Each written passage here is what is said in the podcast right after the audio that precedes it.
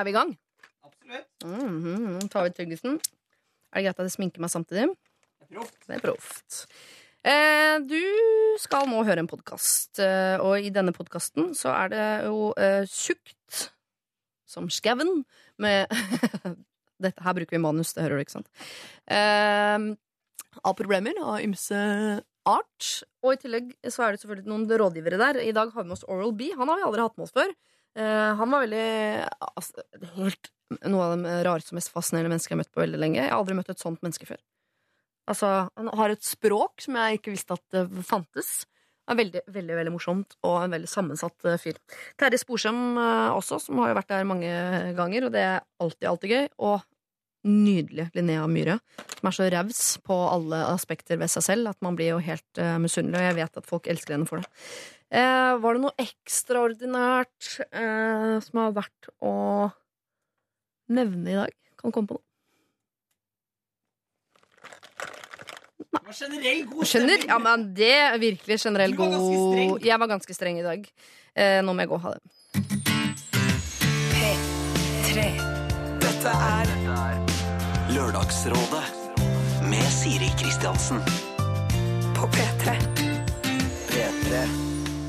God morgen! Donkeyboy med Hero har vi allerede hørt, og jeg er eh, hva skal jeg si, litt gira egentlig, for nå har jeg ikke vært her på ukevis. Og det har vært deilig, da, så samtidig så må jeg jo nesten beklage det. Jeg har fått eh, sinte mail fra noen av dere som mener at det er uansvarlig altså, å være borte så lenge. Folk trenger hjelp, og da Jeg blir jo glad, for jeg tenker det er så hyggelig at dere er så avhengig av oss. Men samtidig blir jeg litt redd også. Jeg håper jo at uh, dere har noen andre å snakke med Altså de gangene vi ikke er her. Men det er ikke så mange uker i løpet av et år. da Nå skal vi være her hver eneste lørdag fram til jul. Så ta det helt med ro. Jeg er ikke helt eh, rolig på innsiden. Uh, mye av det grunnet uh, at jeg ikke har snakket på radio på seks uker. Så jeg har jo uh, munndiaré i alle kroppens hulrom. Men jeg også hadde en litt sånn skremmende incident på vei til jobben i dag morges. Eh, Jeg anser meg selv eh, som en god sjåfør, som alle andre sjåfører der ute, selv om sikkert bare 30% av oss egentlig er det. Eh, Kommer inn i en rundkjøring i Oslo sentrum, sakker ned farten, tenker at her skal vi ta det rolig, tenker så kommer andre biler. Det gjorde det ikke, før det plutselig kommer en bil i sikkert 150 km i timen som en prosjektil gjennom lufta og rett inn i rundkjøringa mot min bil, hvor jeg tråkker da eh, bremsen i bånn. Stopper boms da midt inn i rundkjøringa, hvor han eh, altså fiser forbi rett foran. Altså rett foran panseret på bilen min. Og da går min arm opp i refleks. Eh, mange av fingrene peker nedover, men den lengste peker altså rett til værs. Jeg er sint. Eh, og det han reagerer med å gjøre da, er at han stopper sin bil foran min bil midt i rundkjøringa, sånn at jeg ikke kommer meg forbi. Og der blir han stående og eyeballe meg, en fremmed mann. Da eh, blir jeg sint, så da legger jeg meg på hornet og tuter. Altså ikke sånn én tut, to tut, men sånn sammenhengende. Lang, lang, lang irriterende tut. Eh, da reagerer han med å åpne bildøra og gå ut av bilen og komme mot meg. Da låser jeg døra, men fortsetter å tute, fordi selv om jeg er livredd inni, så skal ikke det synes utenpå. Eh, men heldigvis så var det her bare ment som en eh, trussel. Han hadde ikke tenkt å gjennomføre, så han går inn i bilen sin igjen, men blir sittende, så jeg kommer ikke forbi. Og i løpet av den tiden så har jeg rukket å se for meg at han skal stå utenfor bilen min, og så skal jeg åpne bildøra hardt inn i tissen hans, sånn at han blir liggende i fosterskilling på eh, bakken, og så skal jeg bruke min bil til å kjøre hans bil inn mot tunnelen, og så skal jeg vrenge forbi han med mye høy lyd, og videre rundt i rundkjøringa videre inn i min dag. Det eh, ble ikke noe av. Vi ble stående og se på hverandre ganske lenge. Jeg tuta. Han prøvde å se på meg så sint som mulig, så jeg skulle slutte å tute. Men jeg vant, og det er det viktigste med denne historien. Han flyttet seg til slutt, fordi jeg nektet å slutte å tute. Og eh, Kanskje ikke så løsningsorientert, egentlig, men samtidig litt fordi eh, jeg valgte jo å, å ikke eh, banke han opp. Det syns jeg er veldig løsningsorientert og fint. Og så valgte jeg å bruke tuta til det den skal brukes til, nemlig signalisere Unnskyld, sør, kan du flytte dem? Jeg skal fram. Selv om det selvfølgelig bak dette her eh, lå veldig, veldig veldig mye aggresjon. Eh, jeg skal legge 70 av aggresjonen bak meg. Eh, 30 tar jeg med meg videre, for det er en fin motor å ha. Eh, men jeg skal prøve å se lysere på livet fram mot klokken tolv. Jeg skal være mer løsningsorientert. Eh, litt mindre sint, ikke så mye tute, og jeg skal i hvert fall ikke ikke stenge dørene, for jeg skal jo ikke være her alene. Snart får jeg tre rådgivere på eh, hver sin stol foran meg, eh, og sammen skal vi løse problemer fram til klokka tolv som vanlig. Så ikke nøl med å sende inn, nå er vi her på ekte. Bruk eh, mail lr.alfakrøll.nrk.no. Lørdagsrådet På P3. P3 Tove Lo, hippiesabotasje er dette her med sin eh, Stay High, og du hører på eh, Lørdagsrådet. For en stund siden så var det to Henrietter her, en av typen Brusgaard og en av typen Stensrup. Martin Beyer-Olsen var også her, og de fikk et problem servert av meg fra en som heter Alexander. Eh, som uh, syntes det var litt vanskelig å vite hva han skulle gjøre i forhold til en uh, ganske ny kompis som han kalte for Frankrike. Jeg vil anta at det er fordi han er fransk. Eh, de studerte sammen eh, økonomi og hadde gjort noen investeringer sammen. eh, Og de var en kompisgjeng, og var veldig glad i han fyren her. Hadde hatt med seg hjem på besøk til Norge osv. Men så viser det seg eh, litt etter litt at han ljuger om mye rart. At han, eh, de mistenker han for å ha tatt penger. eh, Han svarer ikke på det. eh, Han har leverer noen papirer som de mistenker være forfalsket. Og det er mye, altså, blir plutselig mye mystikk rundt denne mannen. Eh, og som da eh, på et tidspunkt da velger å ikke svare på ting og forsvinner i perioder osv. Så, videre. så det, er, det hele er ganske sånn eh, mistenkelig. Og Alexander var litt bekymret for pengene, men også lei seg fordi han uh, syntes på en måte han mistet en god venn, selv om det var en ganske ny venn. Men han trodde han hadde fått seg en ny bestevenn, som viser seg å være en helt annen person som han ikke vet hvem er.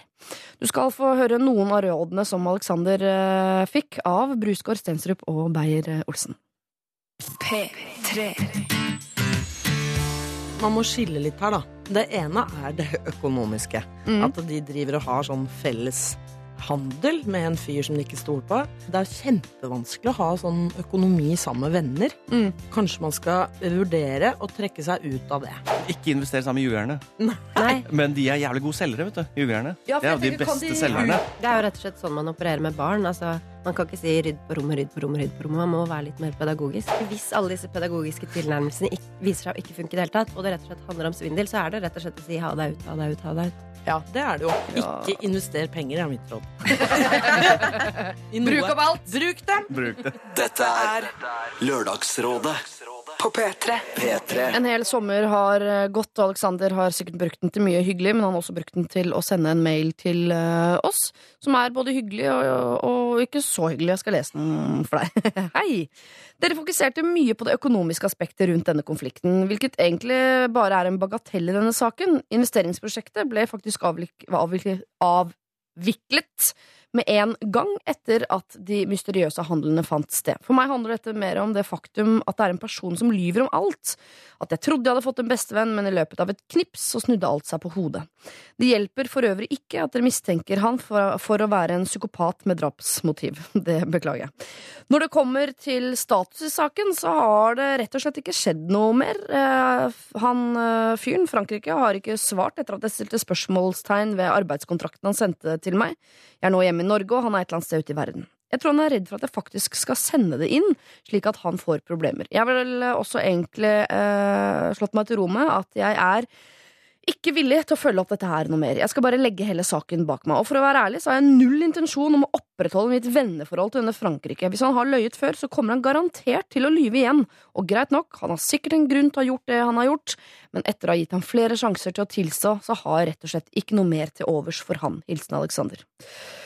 Alexander og Frankrike er ikke venner uh, mer. Det vet uh, vi. Hele Norge vet det. Alexander vet det. Frankrike vet det ikke ennå.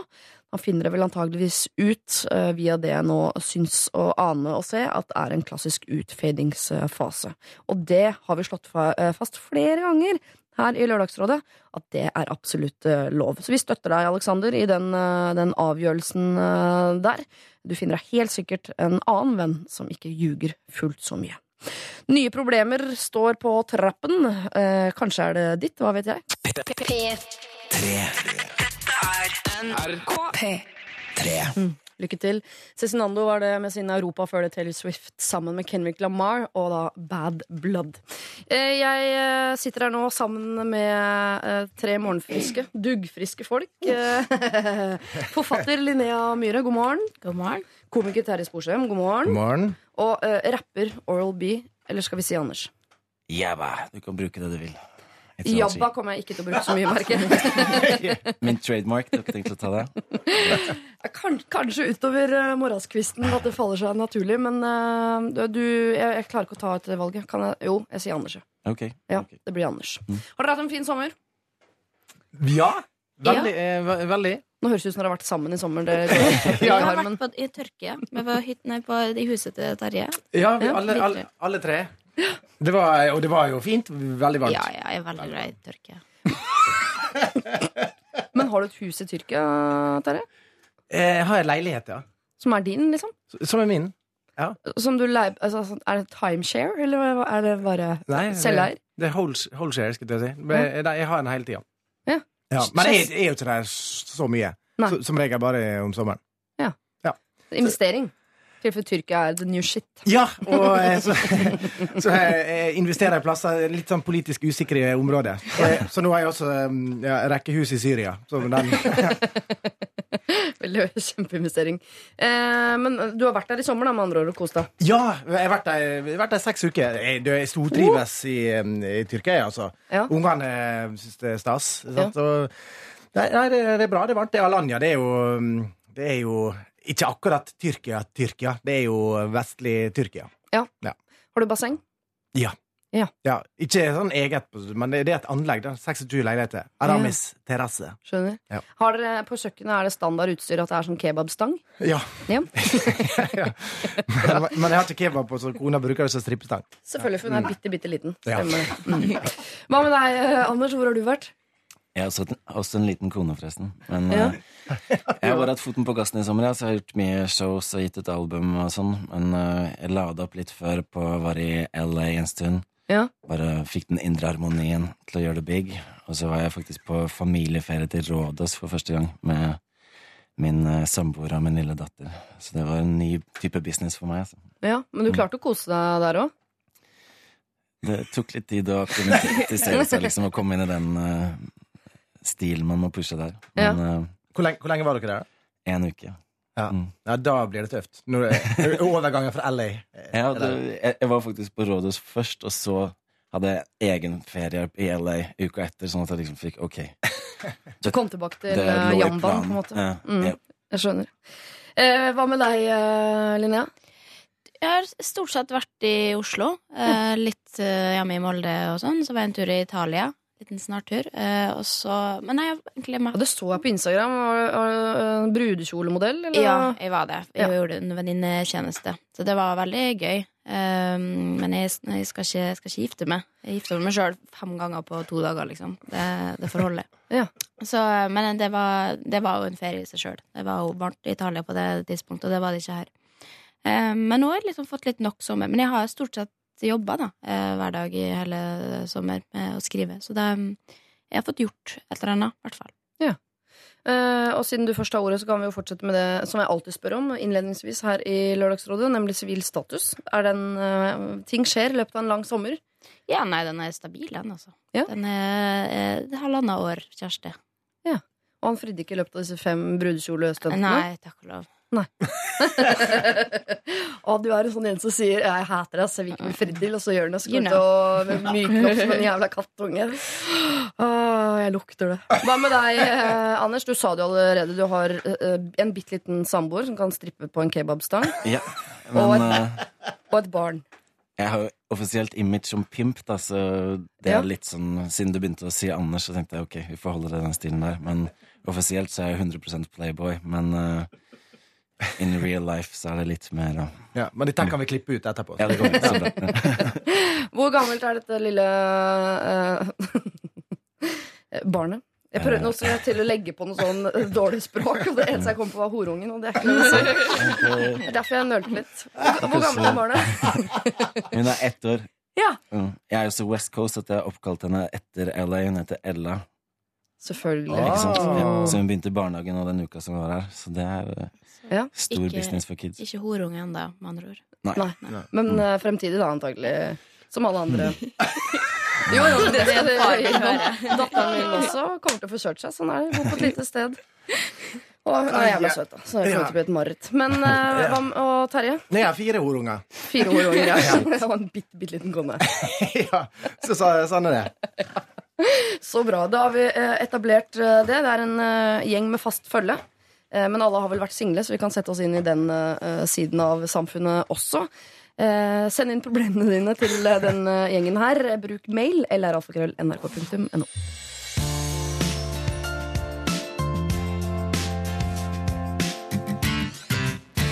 Maria Mena All This Time, hennes Pick Me Up-sang der, eh, altså. Eh, Vi skal her i Lørdagsrådet eh, ta fatt i morgenens første problem. Og det er en som heter Julie som har sendt inn. Og de som skal hjelpe Julie i dag, er komiker Terje Sporsem.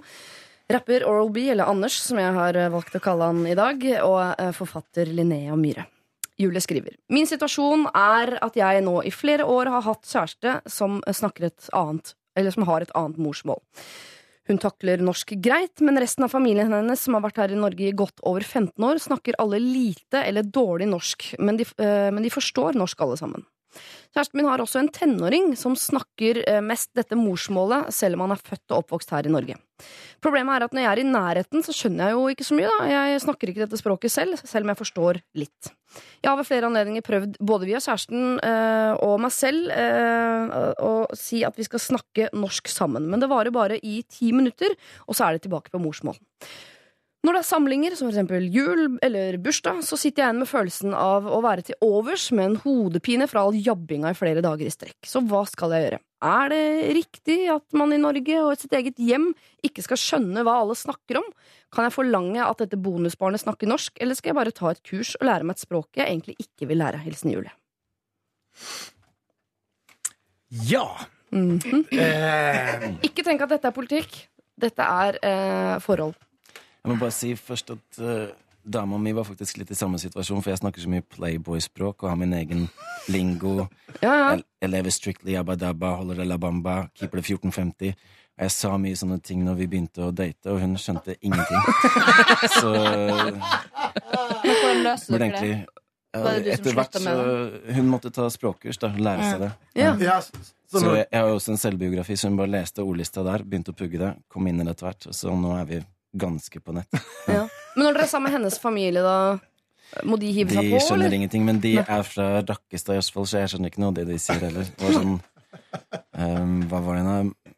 Moss, mossa er liksom eh, mosen, men jeg trodde de snakka om måker, for eksempel. Sånne Ja. type ting som det der. Så det er mye Du har kjent dette problemet på kroppen, rett og slett? mm, ja. Men løsningen din har vært at de må lære seg ditt språk. Jeg tror det er språkers, og så tenker jeg at det kan være litt deilig også å ikke vite hva disse folka snakker om. Det er ikke så mye interessant folk sier hele tiden. Nei, Hvis det er, jeg tror det er liksom Av og til så burde man kanskje føle seg litt heldig, for man slapper å høre på det. Altså, hvor mye interessant kan det ligge i det, tenker jeg. Uh, men selvfølgelig, man føler seg jo utafor. Men, uh, uh, men hvis man da på død og liv skal vite hva han prater om, så syns jeg at han skal ta seg bryet og lære et språk. Det kan være spennende, det. Ja, for, det, for det er jo litt altså, Hva gjør de mens de prater språket? Står de og kikker på han og ler mens jeg tar morsskolenegler altså, og peker litt? Da skjønner jeg at det kan være litt frustrerende. Ja. Men, eh, men men de har vært sammen i Hvor, hvor lenge var det? Ti år? Eh, Nei, det nei, var eh, flere. flere år. Flere år. Ja. Men hun uh, har altså en sønn fra før som er 15 år. Ja, det slår meg jo, det er jo litt rart at han altså, Da er det jo på en måte et ganske stort problem allerede, da, i og med at han har lært seg å snakke morsmål når han har vokst opp i Norge. Mm. Eh, eller det, altså det er hans morsmål. Ja. Um, men um, eh, Så det er jo en uvane de sikkert har fått, og som da på en måte er kanskje hans feil, da, eller altså den familien eh, sin feil, um, at de har påvirka. Men eh, eh, hvis han har gitt ønske uttrykk for det, om de ikke gjør noe med det, så er er det kanskje ikke så mye å gjøre mer med det fra deres side, da. Mm. Eh, da han må gå inn i det sjøl. Jeg var kanskje litt utydelig, for det er et aspekt her som jeg ikke tror noen av dere har fått eh, med dere, og som jo eh, jeg skulle ønske at ikke hadde noe å si, men som potensielt kanskje kan ha noe å si allikevel. At her, vi snakker om to kvinner her. Ja, det er skjønt. Både innsender og kjæresten er av eh, er jenter, begge to. Ja, Riktig. Så det kan hende at du er litt mer sår på akkurat når familien snakker på et annet språk, og hun ikke forstår. At hun føler i enda større grad at hun ikke får lov til å slippe inn i denne familien. Altså, altså, jeg tenker jo, altså, Der bør jo, av respekt for, for Julie, eh, egentlig snakke som eh, Altså, Man vil jo bli inkludert når man er i sitt eget hus, liksom. Altså, Hvis man føler seg aleine, altså i gåseøyne utstøtt, liksom, mens de andre sitter og ler og prater, så er det jo rart. Men samtidig så tenker jeg at Julie Altså det å lære seg språk, da. Mm. Det, er, det er jo ingenting som er så gøy og, øh, og hvis du kan reise til et annet land, hvis du reiser til hjemlandet, og så kan du liksom gjøre det godt forstått. Alle Mm. bare 'Å, shit, har du lært det språket vårt?' Sånn. Altså, jeg, jeg ville jo lært meg det språket. Ja, og hvorfor vil altså, Som hun sier at, at altså, Hvorfor skal hun lære et språk hun ikke har lyst til å lære? Altså, vi, da kan hun ikke ha veldig stor trua på at dette her skal fortsette, da, hvis hun ikke har lyst til å lære det seg det. Fordi hun vil jo lære å kjenne familien og ha, vil jo absolutt bare ha fordeler ved å kunne språket, tenker jeg. Og så er det en ganske fin kjærlighetserklæring også i det. At ok, da skal jeg lære meg ditt språk. Eh, For alt annet har hun jo på sin kjøl, egentlig. Du eh, bor i mitt land. Eh, altså, Jeg er på hjemmebane her, egentlig. At det kan være en ganske fin greie å, at hun tar del i hennes kultur også. Ja, At de møtes litt på midten, sånn sett. Ja, Men kan det være en kulturforskjell, det at de ikke forstår at hun gjerne vil at de skal snakke hennes språk? Ja, Men den beskjeden får de jo hele tiden, i hvert fall nå som det er valgkamp. Så den beskjeden får de fra så mange andre. Jeg at det er ikke, De trenger ikke at svigerdatter også skal uh, kjøre på med de greiene der. Mm. Men jeg syns det er verre med denne sønnen uh, på 15. Som går og snakker med moren sin hjemme hele tiden på et annet språk som hun ikke forstår. Uh, Da kunne jeg blitt litt frustrert. Ja, eh, altså all, Hver gang man ikke skjønner ting, er det jo, det er jo frustrerende. Ehm, nei, altså Jeg, jeg, syns det her var en vanskelig case, altså, men jeg, bare, jeg ser bare egentlig én løsning. Hadde hadde jeg vært Julie, iallfall. Mm. Lær det språket. Altså, Ja. det er jo For sønn kommer jo garantert ikke Altså, Nå vet vi ikke hva forhold Julie og, og han, sønnen til kjæresten har. Det kan jo være intensjonelt disrespect fra sønnen at han ikke Ikke sant? Inkluderer henne også i samtalen. Kanskje han bare sånn- snakker dritt om henne. Mens han, eh, mens, mm. Men skal han ikke ha lov til det i begynnelsen også? på en måte fortsatt ha, eh, ha det forholdet til sin mor som han alltid har hatt? Hvis de alltid har snakket et annet språk sammen, så skal vel ikke Julie komme inn i bildet og forandre det? Eh, I hvert fall ikke før han blir 18. Nei. Men av respekt for Julie, så jeg skjønner at det er hyggelig når de tre snakker sammen, at de snakker norsk. Men hvis Ja. Julie også lærer seg dette språket, så møtes de jo på midten. Men hva, men hva hvis Julie lærer det uten å si fra? Og så bare blir dritgod på det språket. Altså, mens de står og, Mm. uh, står og prater, og så Det er bare en god plan. kommer inn og bare prater flytende. Så bare OK, in this house we talk the same lingo. Hørte du det? Det var LA. Goes da. West Coast, baby. Ja, eh, Det er en, eh, selvfølgelig en veldig fristende plan at Julie lærer seg dette språket uten å si noe. Og- Og i hvert fall som venter med å si noe til sånn julaften nummer tre. Sånn jeg bare sittet og, og og, hørt på alt jeg har sagt i årevis, skrevet med, og kan bruke det mot det. I veldig fristende. 2013 så sa du Å, det hadde vært veldig gøy, Julie. Det, men uh, det er ikke så veldig hyggelig, så jeg vet ikke om vi skal råde deg til å gjøre akkurat uh, det. Jeg, vi syns egentlig det høres ut som en god idé at du faktisk lærer deg dette språket. Uh, for å møte dem på midten, for å være med på deres kultur, og som en slags kjærlighetserklæring også. Men jeg syns også at du kan, om ikke forlange, så i hvert fall fortsette å ønske at dere kan snakke norsk sammen når det er deg, kjæresten og sønnen. Eh, Men jeg tipper at når du lærer deg det språket også, så kommer det ikke til å være et veldig stort problem. For da, da møtes dere på midten hele tiden. Av og til norsk, av og til svensk. Som det antakeligvis ikke er, da. Hva skulle du si, Anders? Det er lov å skyte inn på Ja, en ting er at hun kanskje ikke snakker så kult. Kanskje hun bør lære seg noe slang og sånn, sånn at sønnen vil lære seg hennes måte å snakke på. Ja, at hun først lærer seg å snakke kulere norsk, Ja, og så dette språket. Ja, ikke sant? Ja. Julie, det er alltid en god idé å være litt kul overfor uh, bonusbarna. Om du gjør det språklig, eller om du kjøper et par joggesko, det får bli opp til deg.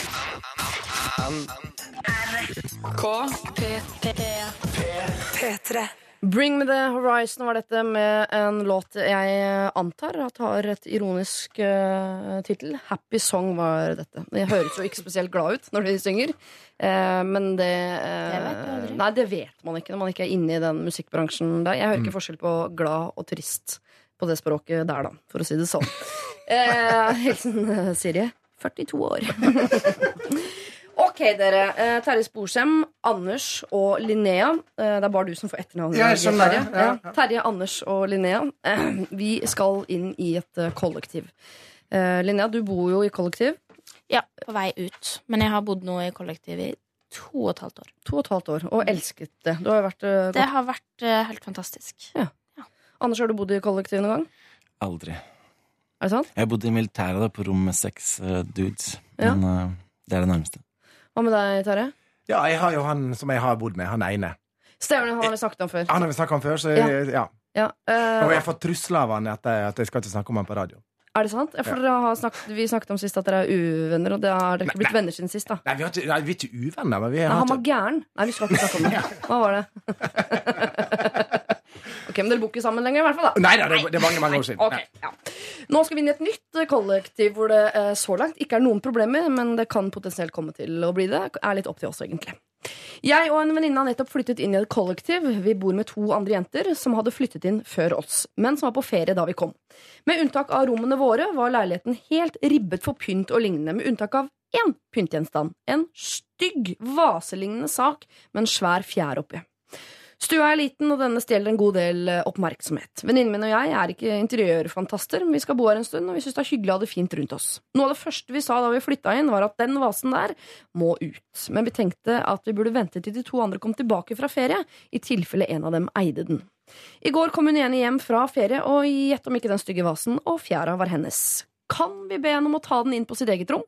Vi har kombinert stue og kjøkken med én vinduskarm og ett bord, som ble veldig fint etter at vi kjøpte et par planter og noen lys, men som likevel ser helt jævlig ut med den vasen med påfugl-fjær. Den passer ikke sammen med noe som helst og er rett og slett rar. Alle vi har hatt på besøk den siste uka, har kommentert den, og vi er ganske keen på å få eh, den bort. Er det mulig uten å bli uvenner med hun vi nettopp har flyttet sammen med? Hilsen Karianne. Man skal trå litt varsomt i børjan, er det noen smarte folk som sier. Hva, eh, Åssen låser man dette? Altså, jeg har, jeg har vært på en del kunstutstillinger der det er utrolig mye stygt, som er veldig, veldig dyrt. Ja. Så, så det kan jo godt hende altså, de ikke vet at det her er en slags kunstinstallasjon. Som, er, som drar opp verdien på leiligheta veldig. Kanskje? Ja, ja. Altså, mitt første kollektiv som jeg flytta inn i, da var det veggene dekorert med eh, bilde av Hotell Cæsar-stjerna eh, og Showgirls. Eh, Showgirls. Showgirls Som i den oppsetningen med Ja. de eh, retusjerte damene. og, og så videre. Ja. Um, men vi, det var litt sånn, der, sånn eh, hummer og kanari-kollektiv. Ja. Um, som hadde sin sjarm via det. Så det var bare alt, alt fra mange, mange generasjoner i samme kollektiv. Og det var litt sånn vanskelig på starten, men til slutt så lærte jeg meg å omfavne det. Ja. Um, og jeg, ba, altså jeg kunne liksom etter hvert Så kunne jeg si at dette må bort, men da fikk jeg, da fikk jeg motstand. Uh, men det var ikke sånn at det plaga meg, jeg lå ikke våken. Og, og så, hvis noen kommenterer den fjerde, da, så tenker jeg at eh, ja, det, det er humor, kan man jo heller si, enn at det er liksom Ja, jeg vet det er pinlig, uh, at det er grusomt. Men, Ja. Men herregud, jeg hadde ikke, jeg hadde ikke nølt med å prøve med, med og kanskje, kanskje du skal ta den fjerde inn på rommet. Det, jeg tror ikke det kan liksom være Kan ikke være brannfakkel, det, altså. Nei. Nei. Dette var kanskje ikke et problem i militæret, Anders? Eller? Nei, jeg, tenk, jeg tenker litt at pimper, som jeg ser meg som, er, er jo påfugler, på en måte. Ja. Det var en påfuglfjær, etter hva jeg skjønner. Så Mm. det kan jo være et eller annet som er sendt fra pimpguden for å holde Hvem er det igjen? Er det deg? Det er han som styrer på vestkysten. Den, Å, ja. den gode ånden for alt. Som er inne i rommet der og liksom har lagt inn en påfuglfjær for at ting skal være i harmoni og i balanse der. i PDD? kollektivet. Ikke Snoop. Snoop, ja. Ja, Ja. Er det en slags sånn kanskje- eh, kanskje feng shui-greie som går? Ja, jo, vi er, Ja. vi er på det. Ja, ja, Ja, ok. Ja. Altså Nå gjør dere det mye finere enn det er. Altså Dette kan være en påfuglfjær sendt fra en, en pimpgud. Dette kan være veldig veldig dyr kunst osv. Ja. Det gjør jo at det kanskje er lettere å leve med den eh, fjæren. Eh, Men- men, kan man finne en måte å slippe å leve med den fjæra på uten at de blir uvenner? Men eh, altså, Nå har ikke jeg bodd i et kollektiv med mange, men er, det- er jo et slags demokrati? Altså, Det er jo absolutt det, men man bør jo lære å kjenne de andre før man på en måte Eller altså, da skal man gå forsiktig fram, da, og liksom si Er det mulig? På en måte, du skal ikke bare Den er stygg, den må du ta. For da på en måte kritiserer du jo eh, eiendommen til Eller altså Mm. et, stil, da, til Mm. den andre som du egentlig ikke kjenner ennå. Eh, så jeg tror ikke liksom du skal si den passer ikke inn her, Fordi da på en måte har du kommet og tatt over kollektivet allerede. Jeg mener at En av de viktigste egenskapene vi mennesker kan ha, er jo å være ydmyke. Og å komme som ny inn i et bokollektiv og be folk flytte ting inn på rommene sine, som noe av det første du sier, til en som allerede bodde der, eh, og som ikke har hatt problemer med den vasen. det er ikke så fint å gjøre. Da tenker jeg Jobb heller litt med å klare å omfavne den påfuglfjæra. Eh, tenk at den er sendt fra pimpguden, eller tenk at den er dyr, eller tenk at det er litt, bare litt humor. Prøv de, og hvis du om et halvt år fortsatt måtte ligger med gaffel i dusjen og skraper deg opp uh, fordi du syns det er så jævlig at det står en påfuglfjær ute i uh, allrommet, da kan du selvfølgelig få lov til å ta det opp. Men ikke sånn som det første sånn Hei, Karianne, den påfuglfjæra der. Men det spørs jo litt om hva de har tenkt å bytte med. Altså Hvis de er sånn, vi liker det pent Se her, vi har fire bokstaver. Det er H-O-M-E, som vi vil sette på peishylla. Altså hvis, hvis det er sand de vil bytte med, Ja. så er det jo feil. De har kjøpt et par planter og noe lys også. Det, det lukter jo litt sånn lyselilla Kid, Ja. kid Interiør-opplegg, dette her. Og, så, og det skal det jo ikke være i kollektiv. Det skal jo være litt røft. Det skal være mange forskjellige stiler. Det skal vise at det er forskjellige folk der. Da Ja. kan ikke de kjøpe noe skikkelig Noe som de syns er fint i tillegg. Nå Ja. har du de fjær og din vase. Jeg har mine fire bokstaver. altså så kan, og så kan noen Noen andre kjøpe det. ha andre Cæsar-bilder. Ja, Ja. Um, men ellers så kan man kjøpe flere påfjær som bare lager en liksom skog ut av det. Temafest. Du får en hel Kan vi ikke ha temafest med påfugl? Eller alle er påfugler. Eller bare lei din egen leilighet, fri for påfuglsjakt. Selvfølgelig, Det må jo være på sikt løsningen her, å flytte for seg sjøl. Men den Showgirls-plakaten hadde vært kjempefint til disse påfuglfjærene. tenk. Altså, nå, nå har jeg et konsept gående inni mitt hode. Eh, men da blir det partyleilighet. Det skal dere være klar over.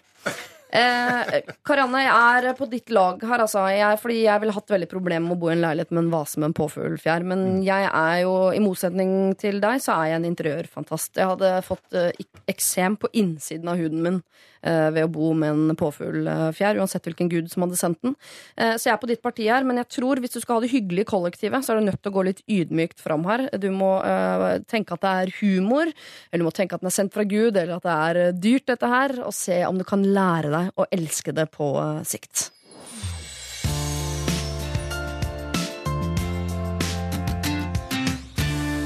Susanne Sundfør med sin Kamikaze 2 Dør Cinema Club, som jeg velger å si på norsk, hørte vi altså da før det. Eh, vi skal inn i et eh, Så langt i dag vil jeg påstå er det vanskeligste problemet. Eh, klokken er jo nå bare fem over ti.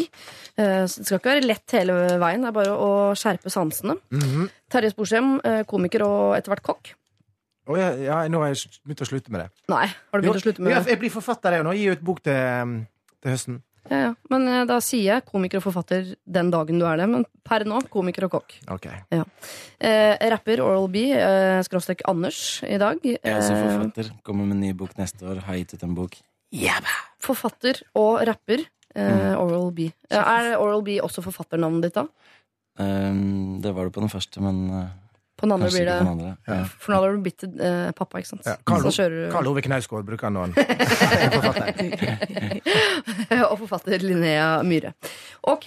Um, vi skal treffe Erik, som skriver her til oss. Jeg har vokst opp sammen med min mor, og det har alltid bare vært oss to. Frem til jeg var 19 år og flyttet for meg selv.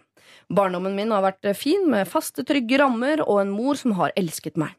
Jeg har også vokst opp med historien om at min far ikke ville ha noe med oss å gjøre da det ble sendt at min mor var med barn, fordi jeg tror han kanskje var gift og hadde barn fra før. Jeg har hørt historier og lest brev om krangling om farskap, krangling om barnebidrag, og det har vært mye dårlig stemning. For ca. en uke siden ble jeg kontaktet av det som er min halvsøster på min fars side. En side jeg har særdeles lite kontakt med. Hun konfronterte meg med noe jeg skrev en gang om at min far ikke hadde brydd seg om meg og min mor, og at det kunne, uh, at det kunne vært og at det ikke kunne vært lenger unna sannheten. Hun ba meg spørre min mor om hva som egentlig hadde skjedd mellom dem, og at jeg da ville finne ut at min mor ikke hadde så rent mel i posen fra første stund. Jeg ba henne fortelle deres side av historien først, men det ville hun ikke før jeg fortalte henne min mors side av historien, slik at hun kunne fortelle om den var sann eller ikke. Er dere med så langt? Ja. Bra. Jeg ga beskjed om at jeg måtte sove på dette noen dager, og jeg har ennå ikke svart. De siste årene har min mor vært eh, syk, og hun har vært døden nær flere ganger. Hun og samboeren hennes har etter eh, lang tid i en elendig firmannsbolig endelig fått råd til å bygge seg et hus som er tilpasset min mors behov. Jeg har ikke lyst til å konfrontere henne med denne, rett og slett fordi at jeg syns hun har det hardt nok eh, fra før og har hatt det vanskelig de siste årene. Rent personlig har jeg heller ingen behov for å vite hva som skjedde mellom eh, dem, og min mor ikke hadde rent mel i posen. Eh, og hadde hun ikke det, så hadde hun vel ikke det, da. Det er ikke så mye jeg får gjort med det. Jeg har levd i over 30 år jeg er uten kontakt med min far, og jeg tror jeg skal klare 30 år til. Men hva skal jeg gjøre? Skal jeg konfrontere min mor og kanskje risikere at forholdet mellom oss blir ødelagt? Eller skal jeg konfrontere min halvsøster og si at jeg ikke akter å konfrontere min mor, og se da hva som skjer? Jeg trenger råd. Hilsen Erik. Han påstår jo nesten å ha bestemt seg her, men uh, han har jo ikke det. Eh, Hva syns dere han burde gjøre? Jeg skjønner at det er litt todelt, da, men hvis han på en måte er 30 år og har lært seg å leve uten en far, uh, det er jo noe Altså, no man kjenner jo på at noe mangler, at det er noe som burde vært der, som ikke er der, vil jeg tro. Mm. Uh, men uh, eh, jeg ville ikke liksom satt forholdet på prøve til mor. Ikke at jeg tror at det på en måte kan ødelegge noe. Man kan jo stille et veldig åpent spørsmål og høre du, det er noen som plutselig har tatt kontakt med meg. Men hvis det har sett at mora er 20 eller 30 år eldre, da, eh, og er liksom litt eh, skranten, så kan jo det eh, gjøre at hun blir veldig, veldig bekymra. Eldre mennesker blir jo går og kverner på ting og, og sånne ting. Eh, jeg tror ikke det kan bidra til at hun får det bedre, i hvert fall. Ja. så jeg ville kanskje gått gjennom søstera først og høre hva det faktisk var. Hvis han kan leve med det, og det hun eventuelt har gjort, så ville jeg heller ha hørt med dem. Men, men det, det virker som uh, at Erik her og mamma hadde, hadde veldig god kontakt. Og mm. det har vært deg, og det, det var, var close. Hun er ganske dårlig nå, noe som sier at hun sannsynligvis også kan dø ganske snart.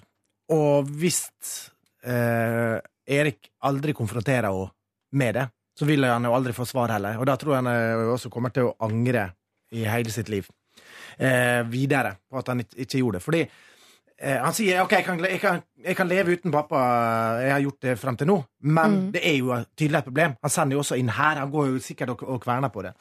Eh, og har det vært en livsløgn, liksom, hvis, så, så må Jeg syns det er veldig rart hvis ikke han vil vite det, og ikke tør å konfrontere mamma med det. Hvis hun sitter på fasiten. Og jeg tror nok også at Hvis ikke hun har sagt fasiten Eller altså sagt historien til noe hvis hun har stått på sitt, så tror jeg ikke hun kommer til å endre den nå fordi at noen har sagt at sånn er det egentlig ikke. Alle har jo sin beste versjon av saken, vil jeg tro. Ja, men det kan jo være at altså, Hun vet vel at hun er sjuk og dårlig, og kan godt hende at altså, Hvis Erik legger det fram på riktig måte, bare sånn OK, nå har vi hørt forskjellige historier, kan du være så snill å fortelle sannheten, liksom? Jo, men samtidig kanskje hun har liksom bare vent seg til at den historien er sånn. Ja. Det er jo veldig mange som er sånn som lager sine egne historier, og så bare glemmer man hva som egentlig var sant, og, Mm. og, og sånne ting. Så jeg eh, ville gått hardere til verks og spurt, spurt hun som hadde tatt kone, eller st- halvsøstera, da, og Mm. spurt hva, kan du være så snill fortelle, eller gått til faren om det var så skulle være så. Det er ikke sikkert at hans versjon er, er sann heller. Det er jo hun, tross alt. Det, det, eh, dette er jo egentlig en sak mellom mora og faren, på en måte. Ja. Eh, og så er det barna som, som skal prøve å finne ut av sannheten. Og det er jo tydelig at kanskje pappaen har vært litt pimp daddy, så Anders, kanskje Det høres litt sånn ut at han har hatt noe shady shit på gang.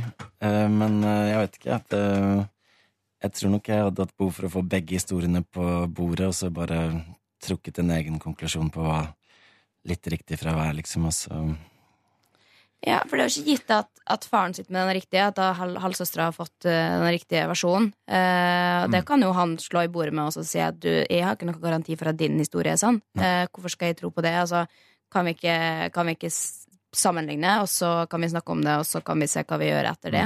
Jeg forstår ikke denne søsterens intensjoner med å, å, å virvle opp dette. her. Hva er det hun vil oppnå? Hun mangler jo ikke noe. Hun har jo mammaen sin og pappaen sin og kanskje hun familien vil sin. henge Og... med han, halvbroren. Kanskje? Ja, for, for meg så høres det ut som her kommer det inn et menneske som du egentlig vanligvis ikke forholder deg til, og, og som prøver på en eller annen måte å ødelegge. Selv om kanskje hun i sitt hode tenker sånn Her skal jeg Uh, her skal jeg på en måte gi deg fasiten og muligheten til å se historien sånn som den egentlig var. og sånn, Men, Men jeg, det, ja. ja, jeg, jeg bare mener at her har han Ja, ok, han har muligheten til å få den ekte historien og se denne pappaen på en annen måte. Hvorfor det? Det er som å si, Du har levd 30 år uten en pappa. Nå trenger du ikke en pappa. Så om han egentlig er snill, samme det. Han har ikke vært der i 30 år. Han trenger ikke å være der de neste 30 år. Han er egentlig ikke en person du trenger å forholde deg til. Eneste du forholder deg til, er moren din, som har vært fantastisk i 30 år. Om det er basert på en løgn, ja vel. Det som er viktig, er vel hvordan dere har hatt det, hvordan hun har vært mot deg. Har du hatt en fantastisk mamma i 30 år? Ja. Skal hun få lov til å gå øh, resten av livet sitt ut med et godt forhold til deg? Ja. Men- Så framt han klarer å leve med øh, og, og ikke gå rundt og lure. Jeg hadde sittet helt stille i båten.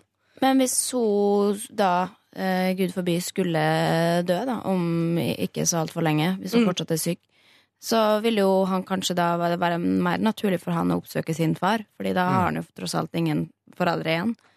Ja, og, og Denne kom, kjæresten til mammaen har helt sikkert vært en pappa for Ja, ham. ikke sant. Det stemmer. men, men, men uansett så vil jo han bli ganske aleine.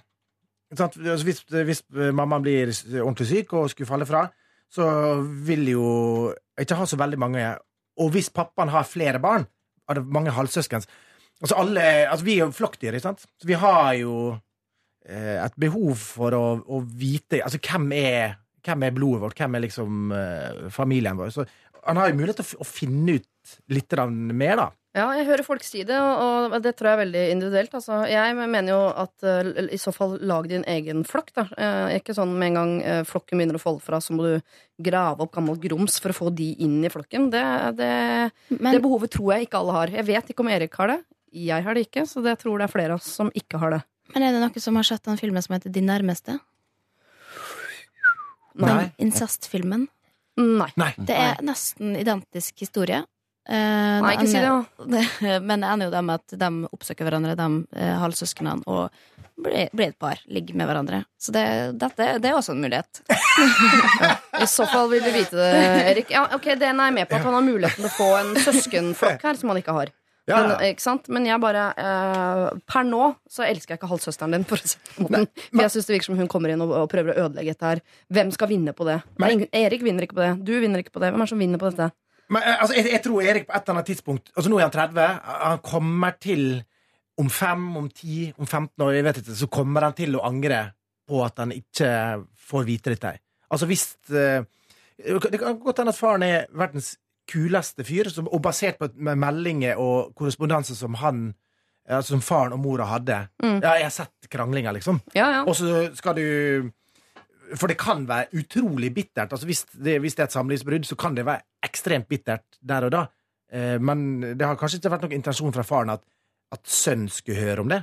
Eh, men hvis mora da hvis, Se her, se hva far din har skrevet, skrevet til meg, liksom. Jeg er helt enig at det, er ikke, det, det kan godt hende at eh, mor bak eh, sceneteppet har oppført seg veldig veldig dårlig eh, og ikke vært rettferdig overfor far, og sånn, og at far er verdens hyggeligste fyr. Og at søster nå kom på banen for å si fra meg at min pappa er faktisk ikke den du sier at han er. Han er en veldig veldig bra fyr. Det er du som har fått feil historie fra din mamma. Det er antageligvis historien her. Men hvorfor kan ikke Erik forholde seg til det han har levd med? Han, Ja, altså, selv om pappa er snill, det? så har han jo ikke noe forhold til denne pappaen. Han har et forhold til mammaen sin, han som han er oppvokst med at er snill. Mm. Så fort, jeg ville heller liksom Jeg tror jeg ville fortsatt den livsløgnen uh, hele veien ut. Enn å nå på tampen der rocke opp alt, og så må du endre syn på Å ja, som hun jeg elsker, er egentlig slem, og han jeg ikke kjenner, han er den snille. Faen, da har de 30 årene her vært helt uh, Mm. feil, da. Det det, det, det syns jeg ikke man skal risikere, ass. Mm. Hvis man kan leve med å ikke vite. Jo, ja. Og så, kommer. Jan Fredrik Karlsen og sier 'Sju kamera!' Ja, men går det, an å, eh, går det an å møtes på midten her? Går det an at han får kan finne ut av litt mer uten at det fucker opp eh, verken den eh, historien han har, eller den historien som kommer? Ja, jeg ville gått til da den halvsøstera igjen og, og tvingt henne til å fortelle mer før eh, Og, sa, eller har sagt litt om sin situasjon òg, at jeg har ikke lyst til å konfrontere med mamma fordi hun er syk, og jeg har ikke lyst til å ødelegge for henne. Mm. Kanskje, det, kanskje har ikke du riktig historie. Kanskje er det et brudd der som har vært vondt for begge, og at man har laga sine egne historier ut av det for å komme best mulig ut av det. Um, og så sette an, tenker jeg. Eh, jeg ville absolutt ikke gått med til mora med det første, i hvert fall. Ja, men, men, det, men det høres ut som en god Altså, ta, Prøv å opprette litt bedre kontakt med, med halvsøstera. Mm. Og så prøv sånn OK, skal vi møtes? Skal vi stikke og spise lunsj? Ta en kaffe? Og altså, At ikke du bare ringer meg og sier 'mora di har feil', liksom. Altså, men, at, eh, Ja. men, men at de faktisk har Prøv å opprette kontakt. For det er jo, det er jo halvsøstre, liksom. De er jo, de er jo halvsøsken, så det, så det kan godt hende at ja, det er jo ta i hånden ut. Så OK, fortell. Så skal jeg fortelle det, og så prøver vi å løse For det er ikke deres problem. Eller Nei. Men kan han da si til Kan han eventuelt si til moren sin hvis han skal spise denne lunsjen med søsteren sin Si sånn 'Mamma, du har vært en fantastisk mor i 30 år. Jeg elsker deg uansett uh, hva, så kommer jeg til å elske deg'. Eh, nå skal jeg møte halvsøsteren min, for hun har lyst til å fortelle meg en annen side av historien. Nei, og uansett hva den det er hadde, Og hadde ikke hun fått nattesøvn på noen dager, tror jeg. Nei. Det er hjerteinfarkt. Skal han si det etterpå, da? Eller skal han, hun få lov til å leve i uvisse Keep it on the low. Ja, Mener du det? Mm. At hun skal, hun skal ikke involveres, mor? Nei. Ikke hvis hun er liksom så syk som det framstår her, da. Nei. Men uh, det kan jo være hvis han får vite noe sånn der skikkelig badass-grums, at han føler at han må si noe, konfrontere henne med noe business. Men da får han sende en ny mail, tenker jeg. Men altså, jeg Mm. ville ikke involvert henne hvis ikke det var nødvendig. Altså, de gamle bør holdes utafor så lenge det er mulig, syns jeg, med sånne problem som ikke er et problem ennå. Ja, altså, han er jo voksen. Han er jo 30 år, så altså, han, han kan jo eh, få informasjon inn uten at han må fortelle at nå kommer jeg til å få den informasjonen. Og han kan ta en vurdering basert på det han får. Skal Men mor må, få lov, mor må få komme på banen og eh, Korrigere komme si, ja, Ja. og korrigere den nye historien igjen. Når, hvis det kommer en ny historie fra far her, så må jo mor få lov til å si Ja, hvis han vil ta det opp med henne igjen, da. Ja. Det kan godt hende at jeg får vite altså, det sier, at, at det blir noen add-ons i forhold til storyen. Ok, kanskje ikke så Hvis du har hørt at han her er At pappa er Sauron, ikke sant? Mm. at han har fått hø høre det Saruman. ja. Men så viser det seg at han er Bilbo. Og hvem vil vel ikke ha han som far? ja. Nei, men, altså, Ringer og bor i hul og ja, Nei, men altså, det, det kan være ting her som, som jeg tror Erik egentlig har lyst til å vite, men eh, det er mulig at han er litt redd. Men av og til skal du hoppe med begge beina ut i det ukjente, for det er da eh, den, den beste svømmeturen ligger foran deg.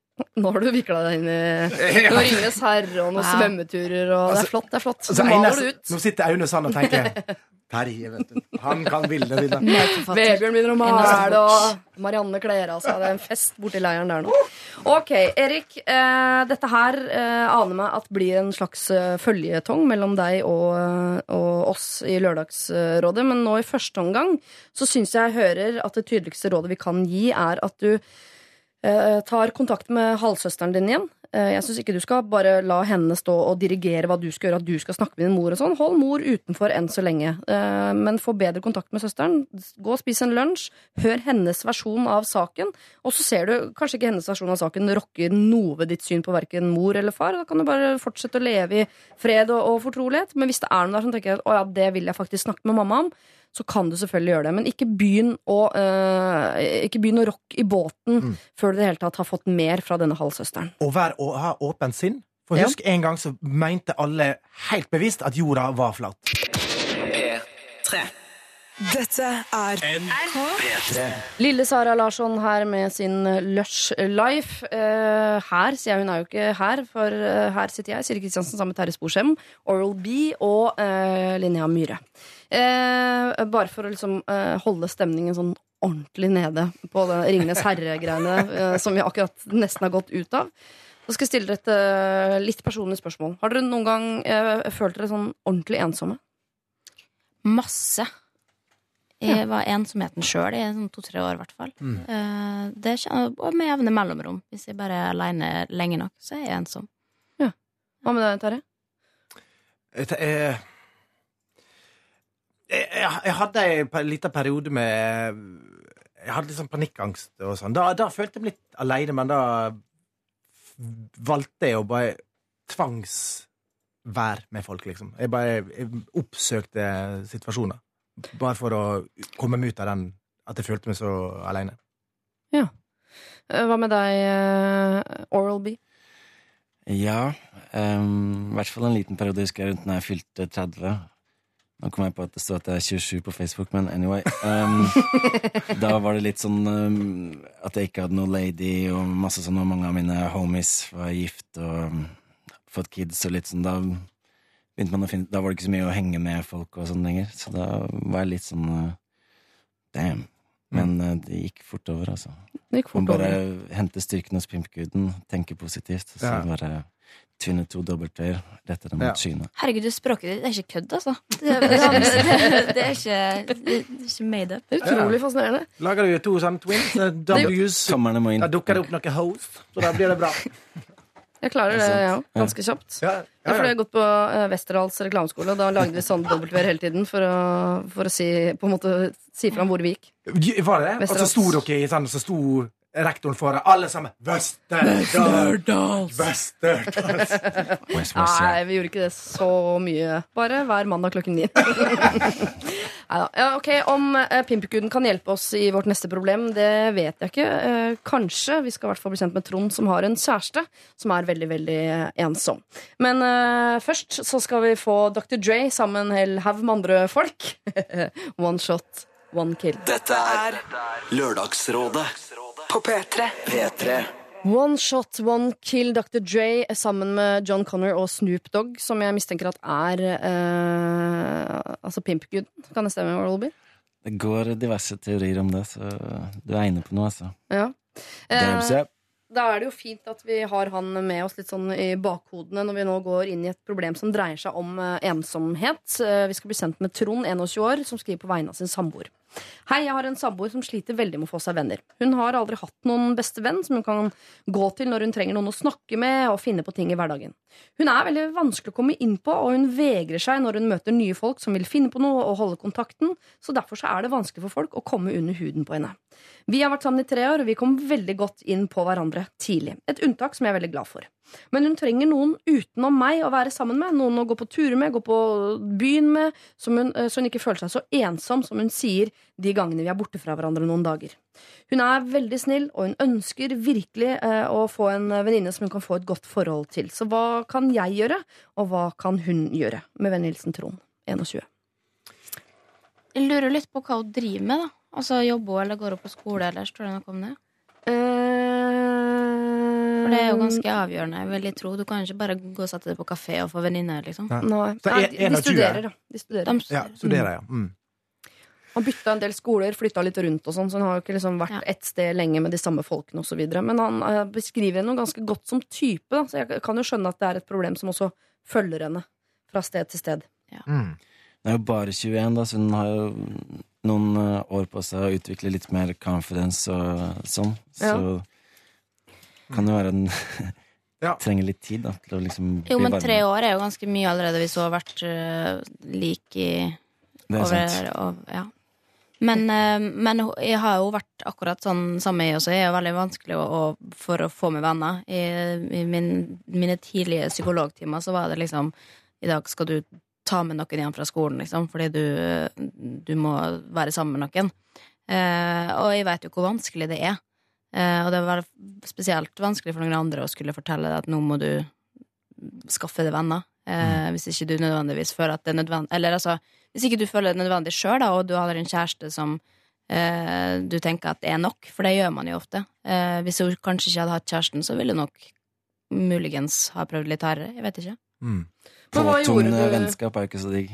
Hæ? Påtvungne Nei, ikke sant? Og så liksom. blir det litt sånn fake, og, og, og ja, det skal jo være litt ekte hvis man først skal bli venner. Ja, og så, og så er det jo Enkelte har vel ja, Hun har jo litt vanskelig for å finne venner. For Kanskje hun har kriterier. Kanskje det er ikke uh, Man må jo bonde med folk. Du kan liksom ikke bare sånn Se, se her er, er, er dama til kompisen min. Nå må dere vanke sammen. Og så er man helt forskjellige og Mm. bonder ikke i det hele tatt. Da er det jo ikke noe hyggelig. Sånn. Så da så, eh, men er nærmere annen plass så fins det jo bra folk som man har lyst til å henge med, liksom. Og plutselig så møter man Men kan man ikke, kan man ikke um, Internett tenker jo alltid løsningen på alt. Eh, der har jeg fått masse venner. Der jeg, når jeg satt ensom i min egen leilighet og, og kikka ut. Eh, da følte jeg meg litt sammen med andre sjøl, og etter hvert så ble de ordentlige venner, faktisk. Uansett hvor trist det høres ut. Men nå er det jo vanligere enn aldri før å få venner gjennom Twitter eller blogg eller altså eh, alle sånne plattformer og sosiale mm. Ja. Ja, så du, så du, har- du har, det er via Twitter du har møtt flest folk? Kanskje ikke Twitter, men altså blogg og sånn. Jeg har masse venner fra jeg flytta til Oslo som ja, for seks-sju år siden, som jeg fortsatt er, har god kontakt med. Men for Jeg får jo inntrykk her i, i denne mailen fra Trond at både hun ønsker å ha en, eh, en tett venninne, og han ønsker å hjelpe henne. Men som du sier, Det er ikke noe lett å få beskjed fra andre om at nå må du få deg venner. Men, eh, så det skal han jo ikke si. Men er det ikke noe han, kan han gjøre noe i det hele tatt for å gjøre det lettere for henne å få venner? Jeg synes det utgangspunktet Han høres ut som en bra fyr, for han oppriktig vil det. Ja. Sant? Han, ser jo det han, han ser jo at det er et problem, eh, men det kan godt hende at på grunn av at han altså nå også både sender inn her, og, og sikkert eh, maser litt på nå må du få det, venninne, at det blir et slags press, et forventningspress. da Mm. at, eh, Og at du kanskje får litt sånn avsmak på det. Bare, så, hvorfor vil du jeg skal få venninne eh, vil du være aleine? Hvorfor vil du være aleine? Godt hende hun er en litt, litt, litt sånn konspirasjonsteoretiker som bare Å, kanskje han eh, har noen på si som han vil ha med ut med venninner, slik at han kan ligge med noen her, liksom.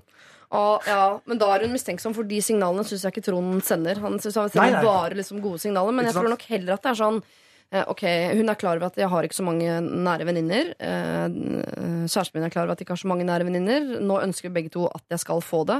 Det høres Og litt pes, ut for han også, liksom Hvis han da har dårlig samvittighet hver gang han stikker ut med noen buddies og hun er hjemme, så er det liksom byrde liksom At han føler seg bad, da.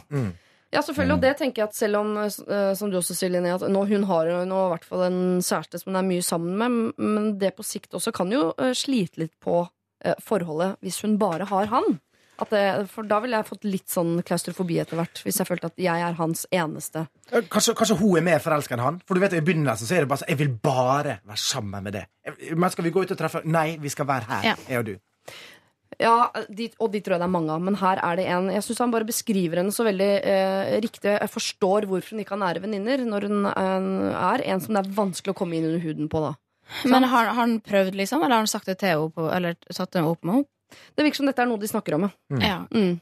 Fordi det må, altså, det må jo komme ja, Som jeg sa, det må komme naturlig, så du kan liksom ikke Ja, i dag skal jeg gjøre en innsats for at dette skal skje med venner og sånn. Men uh, hvis ikke hun da får Det er jo rart at man ikke får venner gjennom studiet, tenker jeg. Det er jo da man må liksom Du tvinges jo sammen i gruppa. Hvis ikke du greier å finne ei venninne på studiet ditt, så uh, så har du lite lyst, tenker jeg.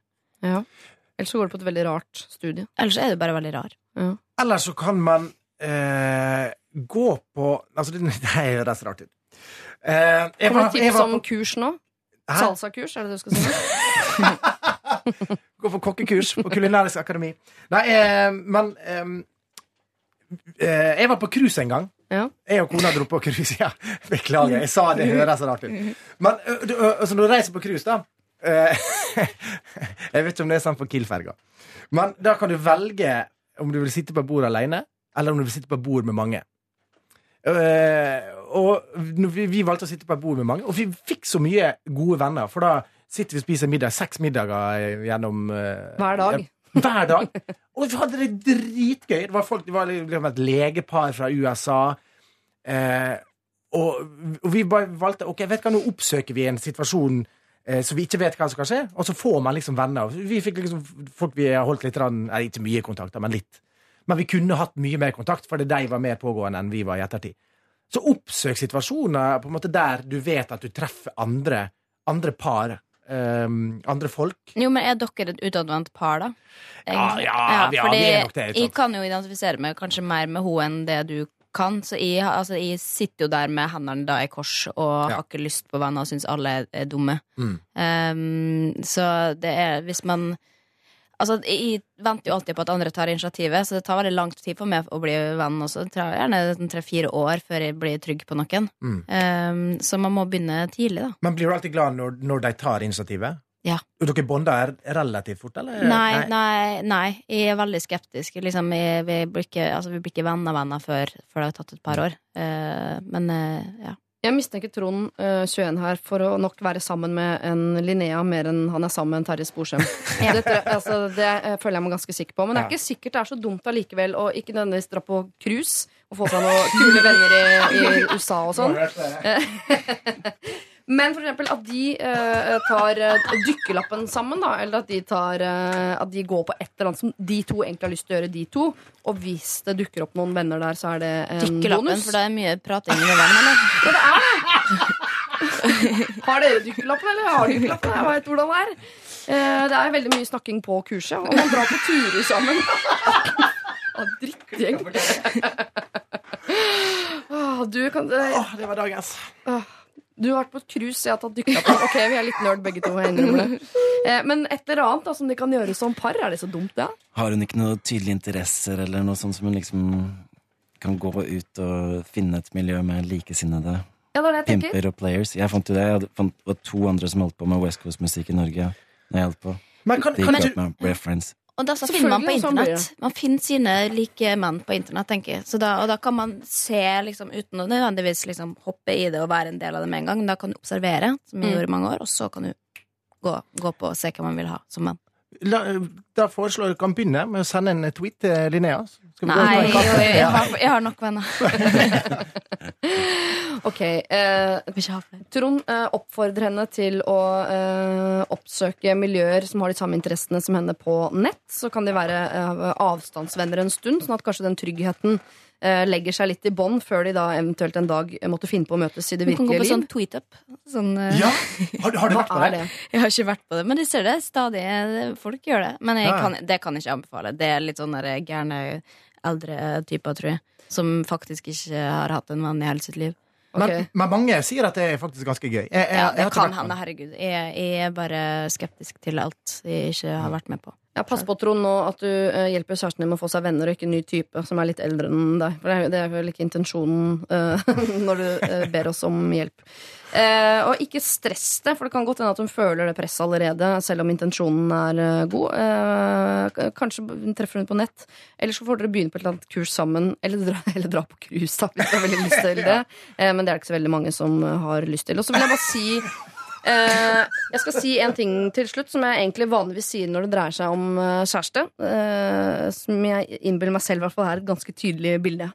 Veldig mange befinner seg liksom i eh, den store sosiale bobla i midten. Og de får seg kjærester hele tiden, for de er ganske like. Og så har du masse eh, spesielle, sære, rare, fine folk på utsiden der. Som ikke treffer så mange. De er ikke inne i den der store bobla hvor alle går rundt og er ganske like. Eh, det i mine øyne er egentlig de beste folka, men det tar lengre tid å finne sin livspartner. Når de først møter hverandre, så mener jeg at det er en større og finere kjærlighet enn de som er inne i den bobla, som kunne blitt sammen med både Frank og Pål og Knut og Per og eh, Terje og hele gjengen. Og sånn tror jeg også det er på vennefronten. Noen er ganske sånn har ikke så mye krav, kan bli venn med hvem som helst, har 300 venner, eh, og, de er ganske like alle sammen. Og så har du noen som er litt særere på utsiden der, som bruker lengre tid. Men jeg tror at den dagen din venninne Hun kommer ikke til å få seg en kjempegjeng med eh, fire Camillaer og, og to Turi og en Berit, liksom. Hun kommer til å få seg én veldig, veldig veldig god venninne. Men det er ikke så mange av dem, så hun kommer til å bruke mye lengre tid på å finne henne. Men når hun finner henne, så er det 100 riktig. Eh, så hold ut, og lykke til. NRK P3 Nico og Vince, dette er That's How You Know, heter uh, låta. Og uh, vi skal ta tak i et pengeproblem, uh, folkens. Um, bra du en sunnmøring her, da? ja, det er veldig bra at du er her, Terje. Ble det Terje. gangsterrappers her også. Cash money, money! Er du en rik type, Orlby? Vil du si det? Eh, Jeg fikk en hissig sånn restskatt her om dagen, så ikke, ikke for øyeblikket. Mm. Pimp daddy med restskatt? Mm. Hvor mye da? Ble pimpslappa, bitchslappa med en restskatt fra staten. Oh boy, Uh, 70 G's. Ja, Greit. Mm. Legg på 15, da, så kan vi high five på det, for å si det sånn. ja da. Vi snakkes. G's det er tusenlapper, eller? Jeg know. Nei, Kanskje hundrelapper. Kunne vært en liten hundre også. Hva med deg, eh, Linnea? Har du et anstrengt forhold til penger? Um, jeg er flink med penger. Jeg bruker ikke så mye. Uh, men jeg er heller ikke helt uh, Terje, vil jeg tro. Uh, jeg går ut ifra at, det, at uh, altså, min favoritthumor er jo egentlig grådige sunnmøringer. Ja. Det er det jeg vokste opp på som moldanser.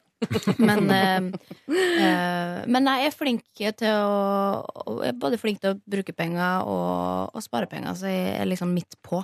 Ja. nå skal jeg kjøpe min første leilighet, men det er kanskje det første fornuftige jeg har tenkt på i hele mitt liv. Ja. Gratulerer. Eh, God vi- investering. God investering. Vi skal hjelpe en hel gjeng her eh, nå. Det er eh, tre jenter. De har vært gode venninner i flere år. I november i fjor så lånte Rakel 8000 kroner av Solveig for å kjøpe en sofa. Er det matteoppgave? Eh, ja. ja. Hun kaster en basketball ut av et vindu ved Molde. Når lander det i kurven? Nei da. Eh, ok, eh, Rakel låner 8000 kroner av Solveig for å kjøpe en sofa. Rakel sa til Solveig at hun skulle få pengene tilbake neste lønning. Solveig har ennå ikke fått pengene tilbake den dag i dag. Hun har ved flere anledninger prøvd å ta det opp, men da blir Rakel bare sint. Rakel sier ting som 'alltid når vi møtes, er det bare snakk om penger', noe som jo ikke er sant. Hun har sluttet å spørre Rakel om pengene fordi hun er redd for å miste henne som venninne. Nå er det august, og Solveig har fortsatt ikke fått pengene. Rakel har vært på sydentur nå i sommer, og hun har akkurat flyttet inn i ny leilighet med kjæresten, som de leier sammen. Rakel har dermed kjøpt mange nye møbler og diverse andre ting til leiligheten med penger som jo da egentlig ikke er hennes. I tillegg til dette er Solveig eh, veldig dumsnill og unngår gjerne å stå opp for seg selv for å ikke bli uvenn med folk, noe som jeg tror Rakel utnytter. Solveig har begynt å innse dette selv og sa til meg at hun føler at Rakel kommer til henne når hun trenger tjenester, mens hun kommer til meg hvis hun vil ha det artig. Solveig er veldig glad i Rakel, og hun vil ikke miste henne som venn, men hun er lei av å være tjeneren hennes. Hvordan kan vi nå fram til Rakel med dette uten at hun føler at det er et personangrep? På grunn av uh, dette og pengeproblemet har det blitt klein stemning i gjengen vår, og jeg føler meg som mellommann. Jeg har flere ganger sagt til Solveig at hun må snakke med Rakel for å få pengene tilbake, at jeg kan gjøre det for henne uh, om hun vil det, men hun sier hun vil gjøre det selv. Problemet er at det skjer aldri, og jeg er redd for at dette kommer til å ødelegge vennskapet vårt. Jeg trenger deres tips til hvordan jeg skal håndtere denne situasjonen og få tilbake den gode stemninga i vennegjengen vår, Kine. Vennegjengen er da altså disse tre vennene. Den er jo ganske enkel. da Kutt hun Rakel av som en hyssing. Men da er vennegjeng plutselig bare et vennepar. Er det eh, hun høres jo super uh, Nei, men herregud, man kan jo ikke la pengene vinne. Det er jo som regel det det gjør. Men, uh, men det er jo et vanskelig problem. Eller penger er jo kjempevanskelig. I hvert fall når noen ikke har det samme forholdet som folk flest til penger, som bare tenker at dette er noe Altså, jo lenger man venter, jo, jo mindre viktig blir det. Uh, og så går det over til slutt. Ja. Eh, jeg har jo vært hun som har delt ut, eller vært, gavmild og, og liksom lånt bort og sånn, og det har jeg lært meg at det skal man ikke gjøre eh, for ofte, hvis ikke det på en måte eh, settes pris på. Ja, det er jo noen som sier at hvis du låner bort penger, så skal det være penger du eh, eh, altså har råd til å tape. Det, det er hvis du investerer i aksjer. det også. Ja, ja. Men det er jo eh, Det fins noen eh, rakler der ute som ikke leverer tilbake pengene. Og Ja. sier sånn, Ikke mas om penger, det blir uvennskap av det, men Jeg har en rakel, jeg ja, men det, et eller annet sted går grensen. 8000 kroner er ganske mye. Altså. Kan man ikke si til Rakel skjerp dere, gi tilbake pengene, ellers ikke låner du ikke? Jeg, jeg tror, altså Jeg, jeg, jeg syns det alltid er rart når, altså når man låner venner, eh, fordi at økonomi og penger er jo ganske viktig for folk. Altså, du betaler jo egentlig vennene før du betaler banken, for du, du vil jo ha et godt forhold. Ja. Eh, for du, du må jo vite For jeg nekter å tro at du på en måte glemmer det. Jeg, jeg hadde en eh, jeg, har, jeg har to kompiser som har en, en lignende sak. De bodde sammen. Han ene betalte ikke husleie i, i, over lang tid. Begynte, og det skyldte Det ble mer og mer. Og så plutselig så bare flytta han til en annen by. Fra, eh, og alle bare What?! Og han var skyldig ham mange, mange, mange, mange tusen. Og så um, Men da lå det jo et eller annet bak som vi ikke helt visste. Det var, det var noe litt annet trøbbel og sånn. Så gikk åra, og så ble de to eh, venner igjen. Mm. Og han, eh, han ene han, lot det bare eh, forsvinne, for, fordi at vennskapet var viktigere enn penger. Så han var jo utrolig stor og raus, og skjønte at det lå noe annet bak. Og det kan jo være at det ligger noe bak med, med Rakel her. Ja, men Rakel har jo vært i sy på sydentur i sommer og kjøpt seg Ja, ja, andre dette her er møbler. Og det er ikke Ja, ja. Disse pengene fins jo. bare tenker at hun har nok penger, så hun trenger ikke få dem tilbake. Og det er veldig mange som har den innstillinga, dessverre. Jeg kan ikke forstå hvorfor man eh, er bygd sånn, men det er kanskje med bare hvordan penger, det forhold man har til penger i oppveksten. da At Mm. man er vant til å få og liksom ikke gi tilbake. Men det har jo lånt av en venninne som kanskje ikke har så mye penger, og det er jo ikke mor eller far din, liksom. Ja, men selv om eh, Solveig er mangemillionær, og Rakel er, oh, ja, bor på gata? Nei, hun er ikke det. Men la, nei, nei, nei. Eh, Hun er ikke det, men la oss si at eh, Solveig hadde vært mangemillionær, og Rakel hadde vært fattig. Så hadde det vært hyggelig av Solveig å kjøpe en sofa til Rakel. Men da må Solveig kjøpe en sofa, eh, sofa til Rakel. Det er ikke Rakel som skal si 'kan jeg låne 8000 kroner', og så ikke levere tilbake. Nei, men det er noe annet. Da kan hun jo prøve da å si um, Ok, men hvis ikke du vil gi meg pengene gi meg, eller kan, du, kan du kjøpe en sofa til meg? Det skylder du meg. Du skylder meg en sofa. Det er verdi 8000 kroner. Altså, Ja. eh, ja, jeg skjønner Ja. at det er vanskelig å si det uansett. Det er, er grusomt å be om penger, men man får det i hvert fall ikke hvis man ikke ber om det. Ja, Ja. Du kan begynne å snike det inn sånn Åh, du skulle hatt 8000 kroner. Åh, nå skulle jeg hatt 8000 kroner. Er det noen som har 8000 kroner på seg? Jeg mener på jeg hadde det en gang i lomma her, men nå er det Men ja, Det er veldig lett å sitte og si sånn at hun, at hun bare skal si det til henne. Men det har hun hatt muligheten til nå i snart et år, og hun har ikke gjort det. Men hun sier at hun har lyst til å gjøre det, men hun gjør det jo ikke. For hun er redd for å ødelegge vennskapet. Men hvem er det som egentlig ødelegger vennskapet her? Retorisk spørsmål fra programleder. ja, men altså, eh, Solveig her er jo selvfølgelig litt feig. Eh, Og Rakel går sikkert og er litt engstelig. Å, gud, snart. Jeg vet at jeg skylder jo 8000. Det kommer på et eller annet tidspunkt. Men Solveig tror at Rakel blir sur fordi at hun vil ta det opp. Mens Rakel kanskje tenker at Solveig er sur fordi at hun Altså, altså, Men Rakel kan... Blir jo sint for de gangene Solveig har tatt opp, så sier Rakel Å, ja. ah, alltid når vi møtes, er det bare snakk om penger. Oh, Men- AKA X-en ut, kutt den av, få den ut av vinduet, ut av regningen. Nei, men- Jebba. Jeg tror ikke at liksom Rakel går og tenker på Åh, oh, skylder penger, skylder penger, eh, vi må la være å snakke om det. Fordi det er ikke sånn, de, de tenker ikke over det, tror Ida. Det er min teori. Um, og da må man rett og slett bare minne, minne dem på det nok ganger. Og jeg skjønner at 8000 kroner er mye for en engangssum, Ja. men da kan man heller si du, eh, hvis, hva hvis vi liksom tar 2000 i måneden, eller 1000 kroner i måneden hvis du ikke har så god råd, eller så At du setter opp en sånn. nedbetalingsplan. ja, ja. Ja. Ja, for, for det er jo penger. Altså 8000 er jo det er mye penger. Ja, og gå fram på en sånn måte og si at du, selv om man kanskje ikke, at det ikke er sant, jeg har veldig, veldig dårlig råd nå, eh, og jeg, de 8000 kan faktisk kjennes på lommeboka. Eh, Altså, det hadde vært så bra for meg hvis vi fikk dem. Trenger ikke få liksom alle i morgen, men eh, kanskje litt utover. Altså, det må jo gå an. Og Ja, jeg, jeg skulle ønske at det, at det var sånn, men jeg tenker at her har det snart gått et år. Rakel vet at hun skylder pengene. Solveig har sagt fra noen ganger. Grunnen til at Rakel ikke betaler, er fordi Rakel er en sånn som uh, bare vil ha, ha, ha, og, og er egentlig ganske egoist. Tenker Sånn, ok, jeg skylder 8000, men jeg har innmari lyst til å dra til Syden, da. og jeg skylder 8000, ja, men nå har du fått nye gardiner på Kid, da, som jeg har innmari lyst på. Altså, og så er alt, alle hennes ønsker er større og viktigere.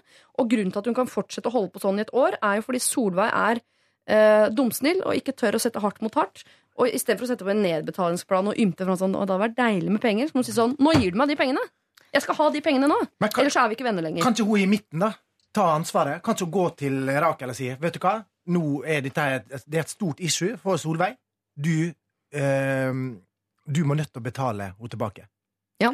det blir jo kjempeubehagelig for hun Rakel. Jeg tror ikke det er liksom, Hvorfor skal hun blandes sin? Stakkars, i midten.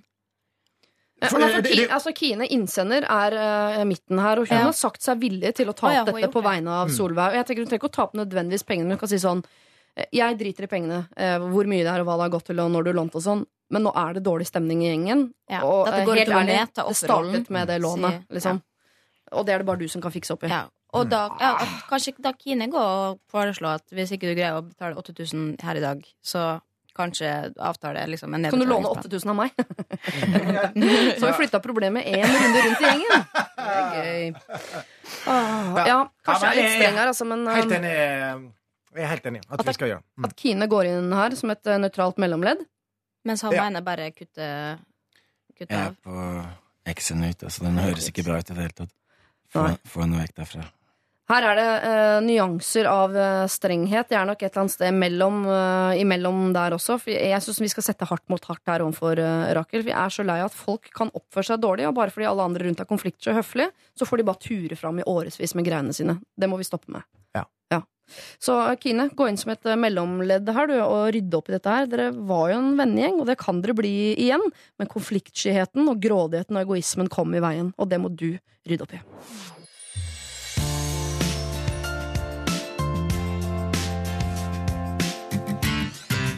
Amanda hørte vi her med Warriors på eh, P3. Du hører på Lørdagsrådet, hvor eh, vi har hatt eh, høy temperatur, høy prat, mange dialekter, og det er et eller annet som skjer når man snakker om penger. Man skulle tro at liksom, kjærlighet og død og fred og sånn er det som får opp temperaturen, men med en gang det snakkes om penger Altså da Folk leverer historier og skrur opp temperamentet. Og det blir helt uh, Altså det blir sånn arvestemning. Og det, det er litt gøy. Jeg synes Ja, ja. det er litt morsomt, ja. Den pausen her kunne jo egentlig vært et eget stikk i det programmet. her. Altså, det, det burde vært en podkast. En liten bonusspor på podkasten. Ja, å herregud. Å herregud. Eh, dere, det er eh, Apropos eh, andre elementer ved dette programmet, så har vi lagt ut et eh, bilde av eh, oss. Oi. Eh, Å, se. ja, For en nydelig gjeng. Vi ser ut som et band. Ja, jeg har jo på meg en nydelig kjole i dag fordi jeg skal rett i eh, navnefest. Og det ser ut som du måtte ha bare revet av en flik av min kjole, Linnea, og er- sydd en liten singlet av det. Det er helt korrekt. Ja. For det, ellers er det ganske likt. For at du har eh, miniversjonen, jeg har XL, eller altså storversjonen. da Et helt fullstendig plagg fra topp til tå. Men hva, hva, gjør, hva gjør det deg? Skyter du mot Jeg ser ut som jeg er den eneste som uh, lager en hagle, en lufthagle. Men uh, Og jeg tenker pil og bue. Veldig stilig. jeg ser at det holder litt feil. Jeg burde hatt litt under men ja. Ja. Så lenge det ser gangsta og play ut, så er jeg egentlig fornøyd. Jeg skulle egentlig hatt på shades òg, Ja, selvfølgelig. Men, eh, Ja, ja, ja. Jeg ser ut som jeg er rimelig forelska i deg, og så har du de to på fløyen der som ikke bryr seg overhodet om hva Nei, nei, vi to driver med. mm. Terje Sporsem, eh, nydelig som eh, alltid, eh, i, med korslagte armer, er det det heter? ja, jeg prøver å se Er det din pose? Nei, det er en slags statement på ja. Se, jeg vet hva jeg gjør. jeg vet ikke. Vært der før, si. Ja, ja. Linnea poserer eh, nydelig som, eh, som eh, vanlig, og så er det oss to ute på fløyen der da, som driver med noe pul og uh, Ikke pul. Pil og bue-greier. Pul og bue. Pul og bue. Eh, vi skal videre med nye problemer her Lørdagsrådet. Og hvis du som hører på har et eget problem du gjerne vil at skal tas tak i, så har du all mulighet til å sende det inn. Da former du en mail, og så sender du det til oss. Adressen er lralfakrøll.nrk.no. Dette er NRK P3. Foo Fighters uh, hørte vi der. Big Me sang uh, de. Og her uh, sitter jeg med dagens tre rådgivere, som er Oral B fra Nesodden, Linnea Myhre fra Molde og Terje Sporsem fra Ålesund by. Mm. Sentrum. Ålesund sentrum. Midt i byen. Ja. I, Er du i by? By Molde eller Eh, både og. Jeg bodde litt uh, overalt, så jeg kan, kan det meste om Ja. Du er sentralt Nesodden? Ja, Tangen brygge. Ja. Er- 1450 er i bygget! ja, men man må bo ved brygga hvis man skal bo på Nesodden. Så ikke så er det jo helt høl Det i er sann hatten. historie, det, altså. Ja. Kort vei til beachen. Ja. Men um, jeg, har jeg sa det til dem i stad da du var ute, for jeg turte ikke egentlig helt å si det. Men jeg har jo trodd at du og Omer Bhatti har vært samme person i alle år. Ja, okay. Så hvis du, hvis du kan velge hvilke, hvordan du vil ta det. Men det er jo fordi dere har veldig likt sånn artistnavn, tror jeg. Er du Omar Bhatti? Nei, jeg er stor Jackson-fan, jeg også. Men uh... Mm. Men han er ikke så fan av deg, si. Av eh, Omer Bhatti. Nei, så jeg trodde, trodde det var Omer Bhatti som skulle spille på, på Øya, men så var det du. damn. Oi. Ja, var, var det skuffende, eller var det Hva i all verden skulle Omer Batti Mm, stille opp med? Nei, han har noe danseshow og noe, et par singler, så. Han, eh, han lærer av sin eh, Far? Sin, Ja. sin far. Men hvordan var det på øya? Var det kult? Det var uh, play business, altså, for Play. Det, jeg så, så det var god stemning. Men mm -hmm. det var eh, satt opp med basseng og chilla. Ja, ja. Og hvis du var så skuffa over at det ikke var Omar Bhatti, altså, så skjønner jeg. Eh, P3 hadde sommerfest i går, og det ryktes om at da Oral B-låta ble satt på, så ble det hysterisk god stemning på dekk. of course. Eh, ok, dere. Vi skal over i et, eh, et eh, fremtidig mulig megaproblem eh, som vi har all mulighet til å stoppe. Hei, jeg er en mann midten av 30-åra med et kjærlighetsproblem. Jeg ble skilt for noen år siden og har en datter som jeg har 50% omsorg for. Etter skilsmissen har jeg ikke hatt noen ordentlig kjæreste. Bare et par kortvarige forhold, men det har i grunnen ikke gått lenger enn noen få dater og litt sengehygge. Ingen har fristet meg til noe mer, og jeg har selvfølgelig aldri eh, introdusert det for datteren min, siden jeg er overbevist om at hun ikke har nytte av å treffe noen som ikke blir værende i livet hennes. Nå har det imidlertid eh, seg slik at jeg har truffet en fantastisk jente, og jeg har blitt forelsket. Problemet er hun er gift og har to barn, hvorav eh, den ene er venninne med min datter. Mannen hennes er mye bortreist, ofte lange perioder av gangen, og jeg og datteren min tilbringer mye tid sammen med dem. Mannen hennes vet godt at vi kommer på besøk også når han ikke er hjemme, og vi har til og med vært på hyttetur sammen uten han, uten at han gir noe uttrykk for at han bryr seg om det. Hun har betrodd meg at det er, eh, går litt dårlig med ekteskapet deres, og har på mange måter gitt uttrykk for at hun er dritta i hele greia. Jeg får også inntrykk av at hun virkelig liker meg, og jeg er nesten helt sikker på at hun er tiltrukket av meg. Men jeg har aldri sagt noe direkte til henne om det, og hun har heller aldri sagt noe direkte til meg. Det har gått så langt som at jeg i halvmørket i lyset fra et bål har tenkt hvis jeg bare kysser deg nå, hva da? Men jeg får meg ikke til å gjøre det. Det er eh, ikke lite som står på spill her. Hun har jo to barn og et liv sammen med en mann jeg også kjenner, og som aldri har vist meg annet enn tillit og gjestfrihet. Og datteren hennes er som sagt egentlig eh, den eneste i nabolaget som datteren min leker med. Hvis jeg tar feil her, risikerer jeg ikke bare å drite meg ut loddrett, men også at hun i praksis mister sin venninne. Hvis jeg har rett, og hun faktisk føler noe for meg, blir jeg allikevel svinet som ble invitert inn i varmen og deretter ødela familien. Jeg tenker at Det eneste riktige her er å vente til hun eventuelt tar initiativet, men samtidig er jeg redd for at ting koker bort i kålen. At jeg blir en venn og ikke noe mer enn det. At hun eh, trenger at jeg gjør noe for hun, eh, fordi hun ikke tør å være den som gjør det, i tilfelle det innebærer eh, at hun bryter opp en familie og utroskap og alt det der.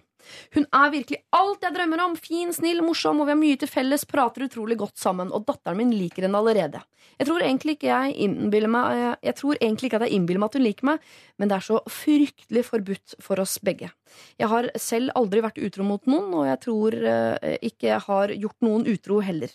Og jeg skjønner at det sitter langt inne å anbefale det for dere, men allikevel, prikk, prikk, prikk. Så kjære Lørdagsråd, hva gjør jeg? Gjør jeg noe? Hilsen frustrert alenepappa som er fast podkastlytter. Altså, han hører ikke på oss nå, men antageligvis i morgen eller noe, da. Ja, Han Ja. kunne jo hett Hugh Grant. Altså, det her er jo en film med Hugh Grant. Ja, ja, ja. Ja, ja. Herregud, at så Hugh Grant jævlig. får dama til slutt. Stort sett. Og grusom situasjon han er i, da. Ja. Hmm. Se for dere, dette er sikkert et sånn rekkehusområde. Mange små hus, alle har tujahekk. Man blir kjent med naboen, barna blir venner. Hmm. Det er sikkert mange players som er i den posisjonen der, men han vurderer da å make the move, Ja. gå inn.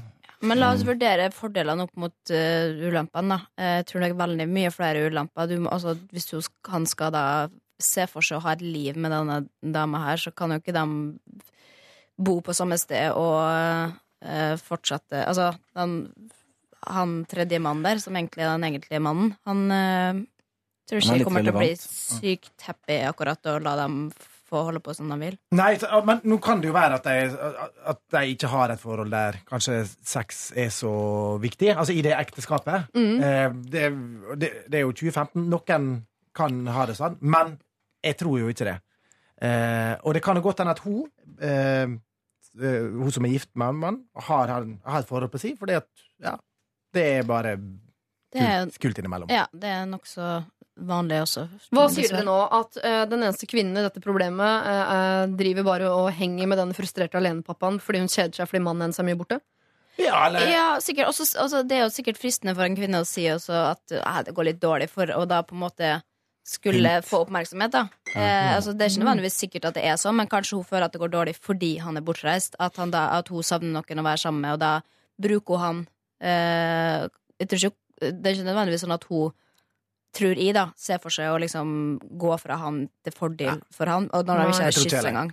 Men det er vanskelig for oss å sitte her nå og finne ut av om hun liker han eller ikke. Det, det har vi ikke mulighet til å finne ut av. Men eh, det vi kan råde, er jo om hvorvidt eh, frustrert alenepappa her skal agere på det som eh, jo er hans forelskelse.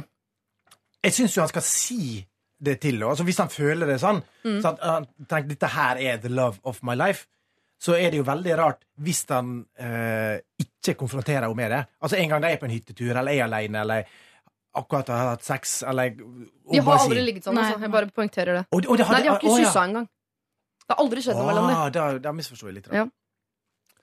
Nei, jeg, Han er bare kjempe, kjempeforelska. Hun er fin, snill, morsom. De har mye til felles. Ja. Jeg, jeg syns det er kjempefint at han endelig har funnet noen etter alle disse år. Det, er, det er jo positivt. Men jeg ville aldri ha liksom prøvd å kysse henne før jeg hadde sagt det til henne. Eh, altså, jeg tror ikke at det kan skade forholdet deres imellom at han sier på en veldig forsiktig måte at du er, begynner å bli litt betatt av det, liksom. Mm.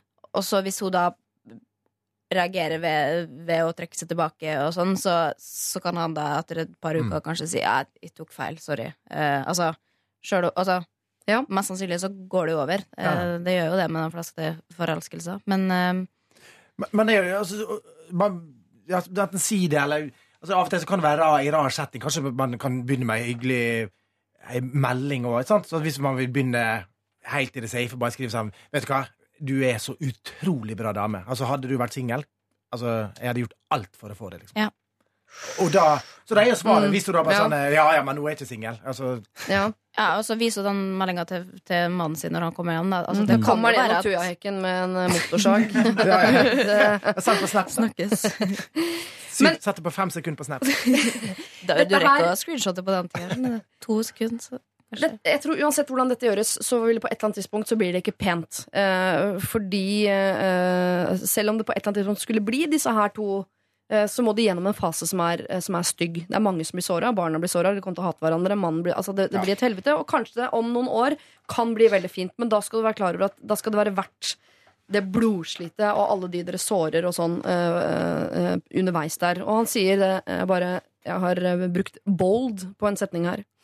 Hun er virkelig alt jeg drømmer om. Fin, snill, morsom. Vi har mye til felles, prater utrolig godt sammen.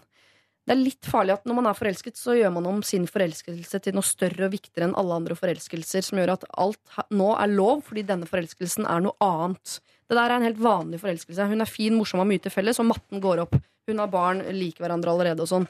Men det er ikke, det er ikke så unikt at det er en unnskyldning for at du kan gjøre akkurat som du vil. Han høres litt frustrert ut, for han skrev at han hadde, han hadde levd på en måte litt rapperlivet og vært gjennom en del dirty hoes som han ikke ville introdusere for datteren sin. Mm. Han blir sikkert litt eh, frustrert av å gå sånn, og da møter han plutselig en tap-natch dimepiece. Da eh, bør han kanskje la det gå litt lenger, for å se om hvor serious det er han er, egentlig i dette. og det er jo sikkert ekstra interess interessant fordi hun faktisk er gift også. Det er jo ikke noe hemmelighet det at det man ikke kan få, vil man gjerne, gjerne ha. Mm. Mm. Eh, men uh, altså, man må først finne ut om hun er forelska i han også. Hvis, det, hvis han føler det samme for andre, og det er veldig, veldig sterkt. Det er da man bør diskutere det. Men før det så tror jeg ikke han skal legge seg store planer for framtida. Enn så lenge som man bruker denne energien her til bare å, å, å være lykkelig og kjenne på følelsen av forelskelse og, og håpe at han kanskje kan bli forelska i en annen. Fordi hvis dette skal gå, så er det bare én måte å gjøre det på, mener jeg, og det er at nettopp han må snakke med henne om at han er betatt. Den risikoen må han ta. Ja, ja, det er jo helt enig i. Ja. Eh, men han risikerer jo da altså at hun eh, vil føle Å, shit, han er betatt av meg. Det kan bli litt kleint i ettertid. ikke sant? Ja, hvis, ikke har vært, uh, eh, vært, eller hvis han ikke tør å risikere det, da er han ikke veldig forelsket. Nei. Nei, Nei, det er sant. sant. Nei. Uh, han må ta, men det går an å gå veldig veldig forsiktig fram. Du trenger ikke si at de er stormforelska i det. Det er bare det å si betatt, for det er jo ofte Mm. noe som liksom går over. Um, Han kan jo si nesten av respekt sånn jeg, eh, jeg må bare gjøre deg, oppmerksom på at jeg begynner å bli litt betatt av det. Så hvis det er ukomfortabelt, så kanskje vi skal ta uh, og roe ned litt på møtinga. Fordi Mm. det, eh, i så fall så ødelegger han jo mellom deres vennskap. Det går ikke utover døtrene. De kan fortsatt være venner. Ja. Han kan fortsatt hilse på mannen. Han har ikke ødelagt noe mer enn at det er litt kleint mellom de to. Og det må Nei, og i det kan repareres i etterkant, tenker jeg. Når Ja. han da, at det har gått over, selv om det kanskje ikke går over med det første, så, så tror ikke jeg at det liksom er ødelegger for dattera. Men, men tenk, altså, ikke, ikke vær så ekstremt sånn eh, tung på det i starten. Liksom sånn nei, OK, nå jeg må bare si Altså, du, du ville vært livet, men altså, pakk det inn en litt sånn eh, hyggelig melding som du egentlig kan komme deg litt ut av. Som er nærmest som et kompliment. Ja, som et sånn. kompliment. Bare sånn, Ja. vet du hva eh, ja, ja.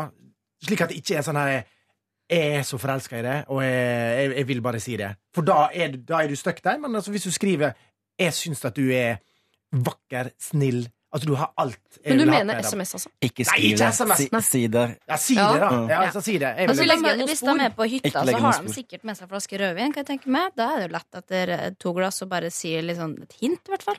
Trenger ikke drikke en liter sprit og så si det.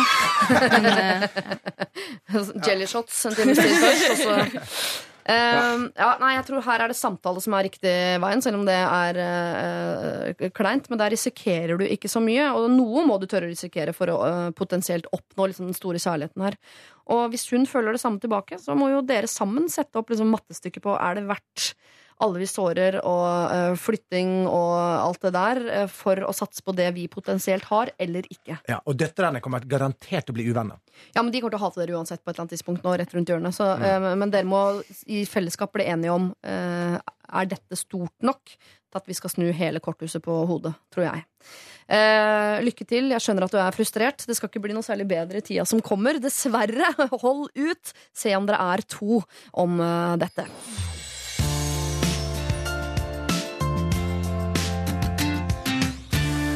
Back Together synger Robin Thicke og Nicki Minaj. Og så har vi også hørt Calvin Harris, eh, How Deep Is Your Love.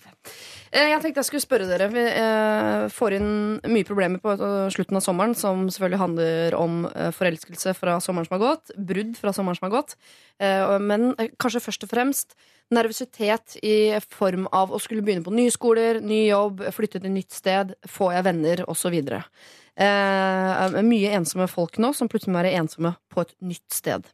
Eh, og Vi skal ikke ta en runde på hvordan få venner, det har vi allerede snakket om i dag. Men jeg tenkte jeg skulle høre med dere Deres beste venn eller beste venner, hva er det som gjør at det er deres beste venner? Eh, dette burde jeg forberedt dere på, merker jeg, for nå ble det mye Hmm. Det er blant annet at de keeper det veldig real, da.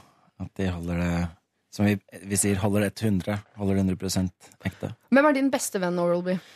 Mm, Jeg har et par som jeg liksom har litt vanskelig å skille mellom hvem som er den aller beste. Men jeg har en del som jeg, er fra, jeg har vært venner med fra jeg gikk på førskolen på Nesodden.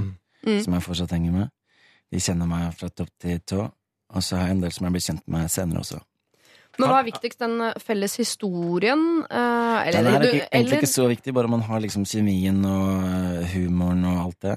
Ja. Så Jeg tror det er viktigst å kunne stole på hverandre, og Ja. at man er interessert i hverandre. At det liksom er toveis kommunikasjon. At ikke bare er én hvor skravla går. Eller altså at man har lyst til å snakke med hverandre, eller at man bare kan være i samme rom uten at man nødvendigvis skal snakke hull i hodet på hverandre. Eller Det, det er kanskje ja, det deiligste med gode venner. Ja. At du faktisk kan, du kan sitte stille og gjøre noe uten at du må fylle med, med prat, liksom. Hvem er din beste venn, Terje Sporsem? Eh, altså, jeg, jeg, har, jeg har jo mine Jeg har jo mine barndomsvenner som jeg er veldig gode venner med. Mm. Har, vi var liksom en gjeng. Liksom. Øystein, Roar, Alex, eh, Erik og Terje. Sånn. men, men nå i senere tid, etter jeg flytta Jeg har liksom bodd i Oslo i 15 år. Sånn, så, sånn, ehm, så, så André Gjerman eller Gustav Nilsen er liksom de, de prater jeg mye med, liksom. Ja. Og er liksom ganske close med dem. Og hvilke egenskaper er det du liksom elsker der? At, de er, at dere kan være stille sammen? Det ser jeg ikke som at det er eh, først og fremst det du og André Gjerman deler, men kan vi møtes og ikke snakke sammen? Nei, nei vi eh, kan man Nei, vi, vi forstår hverandre. Vi kan snakke om alt. Jo, Ja. Ingenting er liksom noe, noe issue. Vi har det gøy, vi kan være stille, vi kan ha det dritgøy. Vi kan bare sitte og ja, Ja. se på hverandre. Og du da, Linnea, er dine ofte, beste eh, venner er de nye venner, eller er de fra oppveksten? Jeg har ei som jeg har hatt eh, Eller som er eldst, på en måte, som eh, fra Molde. Men hun booker i Oslo, så jeg har ikke så mye kontakt med henne. Men hun er jo alltid sånn når vi møtes, så, så er det som vi møttes i går. Mm. Um, men eh, de fleste nærmeste vennene mine bor i Oslo, uh, og han som jeg bor sammen med, blant annet. um, som er sånn som man kan da bare være rundt uten å liksom skulle måtte gå på kafé eller uh, finne på noe for at man skal ha det hyggelig, da. Greit. Det var bare det jeg ville finne ut av. Uh, Du da, Siri? Jeg? Eller det vet du Jeg har ingen venner. venn. Vi skal høre Axwell Ingrosso. Dette her er Jeg trodde vi var venner. Hæ? Trodde vi var venner. Uh, ja, ja, ja. Selvfølgelig. Vi er venner alle sammen. Masse, masse Hvor mange venner har du på Facebook? Hæ? Hvor mange venner har du på Facebook? Nei, det vet jeg ikke. Aner Det er det som definerer det som menneske, vet du. Da Finn det ut sjøl, da. Jeg veit ikke, jeg. Jeg, ikke, jeg teller ikke. Skal vi se hvem som har flest? Ja, ja. ja, det får vi gjøre. Eh, Det skal eh, du som hører på radio, få slippe. Du har 971. 971 Og det er venner. mange, altså, Siri. Det er litt for mange. Ja, Der har du Vi har 5000, jeg. Ja. Er det for mye? det er for mye. Det er for mye. Dette, nå høres det ut som skryting. Dette skulle være ment som en hyggelig greie eh, for folk som nå er nervøse for at de ikke skal få seg venner osv. Får du Eh, 5000 venner på Facebook, da er du i mål. Da er du i mål. Ja, men jeg kjenner, kjenner kanskje på 30 av det. Ok, men det jeg synes i hvert fall jeg hører er at eh, alle som er eh, her, og meg selv eh, inkludert, har venner fra oppveksten, men når man eh, flytter til nye steder, så får man nye venner der, som er venner på en annen måte, fordi man kanskje i større grad Man har ikke den historien, men man har noe annet felles. Så eh, lykke til, dere som nå er eh, på nytt sted og på jakt etter nye venner. Dette er er P3. Sola skinner, og det gjør du også, synger dem i denne Sun is Shining-låta Axwell og In eh, Grosso. På norsk så mener jeg at den setningen det kunne, er det bare Bjarne Brøndbø som kunne sluppet unna med å si. Å, sola skinner, Åh, ta hele, og det gjør du. det er sola skinner, og det gjør du. Herregud, Kanskje Bjarne. dårligst. Jo, jo, jo, Bjarne. Den må du få på, den låta der, Bjarne, hvis du hører på. Og det vet jeg at du gjør. ok, dere. Siste mulighet til å eh, flyte over av livskunnskap i dag. Eh, Terje Sporsem, Oral B og eh, Nå holdt jeg på å kalle deg Nikki Menage. Men det heter du ikke. Linnea Myhre. Tusen takk. Eh, jeg har i det siste snakket mye med bestevenninna til søsteren min. Vi har vært en del sammen uten søsteren min til stede. Jeg har begynt å like henne og tror hun føler det samme. Jeg og søsteren min er veldig gode venner, eh, og jeg vil ikke ødelegge dette ved å bli sammen med venninnen hennes. Hvis det ikke går, så kommer det til å bli litt klein stemning. Og hvordan vil hun ta det hvis vi blir sammen? Tror dere hun vil synes det er greit, eller? Jeg er litt usikker på om jeg skal gå for det, eller bare la henne ligge eh, og vente på noen andre. Hilsen storebror Morten. Og her er det eh, fristende å spørre dere gutta først om det går noe sånn Om dere har noen sånn eh, bro-code eller et eller annet på om det er lov å ligge med Jeg husker jeg hadde en kompis som smasha venninna til søstera si. Ja. Hva sa du? Smasha? Smasha.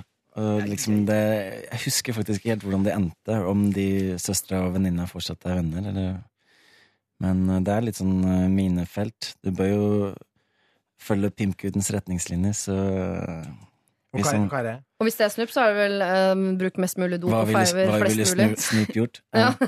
Han hadde feid over dama, helt sikkert. Ja. Ja, men er, er det noe uh, problem Altså, hvis de ja, Altså, de, hvis de er ordentlige venner, Ja. altså, og de Og hun er forelska i broren, og broren er forelska i venninna Var det egentlig noe forelskelse her, da? Eller var det bare at de kom overens? Jeg tror bare han hadde lyst til å ligge med henne, eller? Jeg fikk Eh, også inntrykk av det. Ja. ja, ja, så Ja, Det var ikke så viktig for han, tydeligvis. Det var sånn, jeg hører kan ligge la henne ligge også. Det var ikke Ja. liksom Ja, men da er Herregud, kjør på. Men jeg tror nok også at liksom, sikkert søstera kan gå med på sånn kompromiss om at dette sier vi ikke kanskje til, til søster, eller? Og så ligger Om man at sammen. venninna til søstera eh, blir med på det, men at de aldri forteller noe til, søs til søsteren. Ja. Ja. Men hvis han har lyst til Hvis vi gir eh, Morten eh, litt mer kred, da sier at han tenker ikke bare uh, nedentil, men han har lyst til å bli kjæreste med henne, kan, er det liksom innafor? Ja, hvorfor ikke? Altså, hvis de er ordentlige venner, så skjønner jeg jo det. Nå vet jeg ikke hva forhold bror og søster har her, men Jo, de er gode venner. Ja.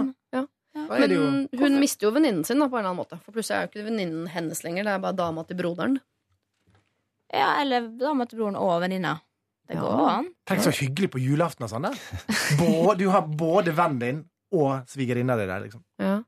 Så sitter man da og snakker i sofaen om det man alltid har gjort, og så er det sånn, ja ja, nei, da går vi og legger oss, og så går hun inn på rommet til storebroren din. det er ekkelt, ass.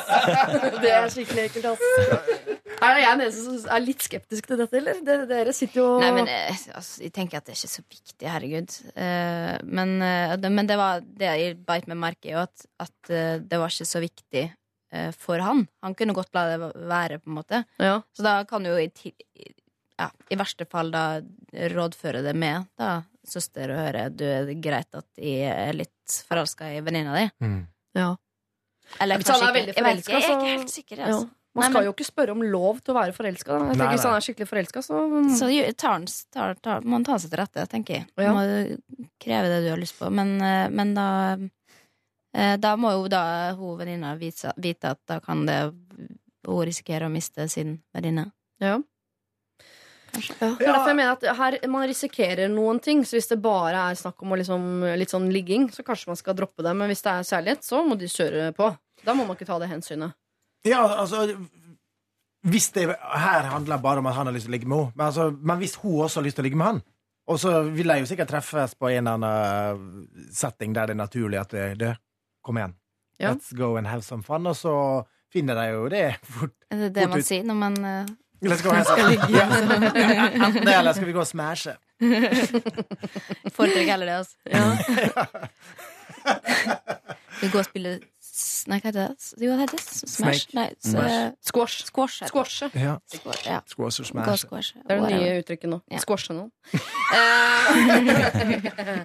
ok, Morten, Storebror Morten, det virker som om det egentlig er litt klarsignal herfra fra Lørdagsrådet til at uh, her er det lov å, prøve seg, men uh, hvis du vet allerede nå at du bare vil uh, squashe henne, smashe henne, så kan du la det ligge, for du setter jo noe på spill. Men hvis du er forelsket i henne, så skal du ikke ta det hensynet. Da går kjærligheten foran. Det skal du være klar over. Er til. showtime, player. Pimpgutten befalte deg til det. Jabba.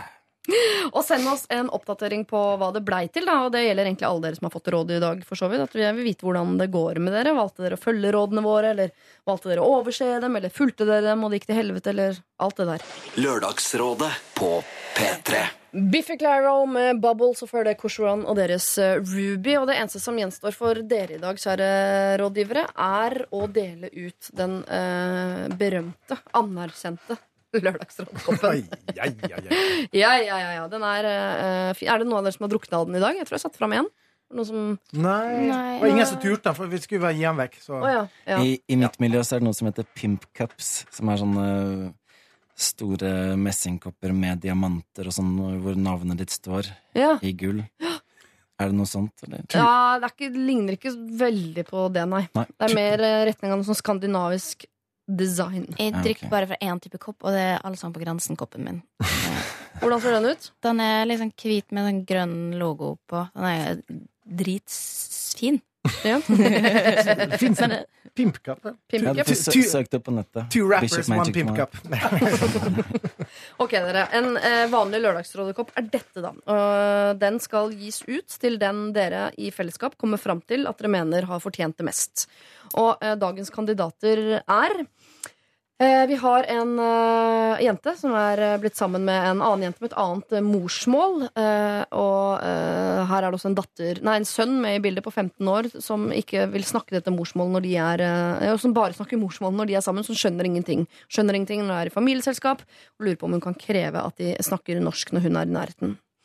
Så har vi et uh, gryende nytt eh, bofellesskap, hvor uh, de to nyinnflyttede uh, mener at vasen med den stygge påfuglfjæra som nå står i stua, må flyttes inn på rommet til hun som eier den, og lurer på om det er lurt å si fra om det. Og så har vi da en en eh, mann i 30-åra som eh, har blitt kontaktet av sin halvsøster, som vil at han skal spørre sin mor hva som er den egentlige grunnen til at eh, hun og hans far ikke har kontakt, hatt kontakt siden før fødselen. Vi har en ung gutt som ønsker å hjelpe sin kjæreste med å få flere nære venner. Hun er, føler seg ganske ensom. Og så har vi en uh, venninnegjeng på tre, der den ene har lånt penger av den andre til å kjøpe seg sofa. Og det har gått snart et år, hun har fortsatt ikke betalt tilbake, og det er i ferd med å ødelegge hele vennegjengen. Hva kan de gjøre? Og så har vi da en, eh, nok en mann som er forelska i eh, naboen og lurer på om han kan gjøre sitt framstøt. Og det lurer også sistemann ut på i dag. Kan han gjøre sitt framstøt mot eh, venninnen til sin søster?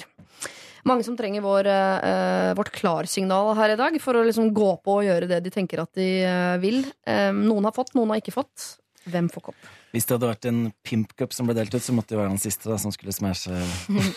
Squashe. Squashe. ja.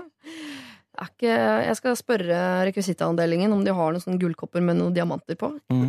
Skeptisk. Jeg ser det ikke for meg. Det, det er jo mange potensielle her. Det, eh, det hadde vært interessant å gitt til eh, der Rakel hadde lånt eh, 8000 eh, Ja, gi, kroner. gi kopp i bytte mot penger, kanskje. Ja, ja, eller du kan mm. hive får du noe den- tilbake, i hvert fall. At du føler at du har liksom investert i noe. da Ja, eller du kan bruke den som sånn eh, Du kaster litt penger Trykk opp. Ja, ja, ja. Har, har du en krone? Har du ikke her.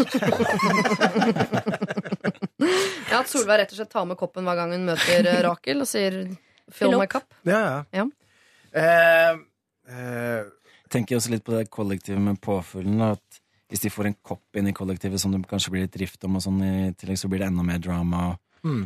kan generere nye saker for Lørdagsrådet. Ja, Ja. ja. ja. Nei, jeg, tror- dem- jeg tror ikke det kollektivet skal få kopp. Ja, men Det hadde jo vært litt gøy hvis de hadde fått det. Så kan du ta den koppen, så kan du fyre en av den måkefjær eller duefjær, så du har sett det siden av den stygge vasen. med Ribbe påfuglfjæra. i måke.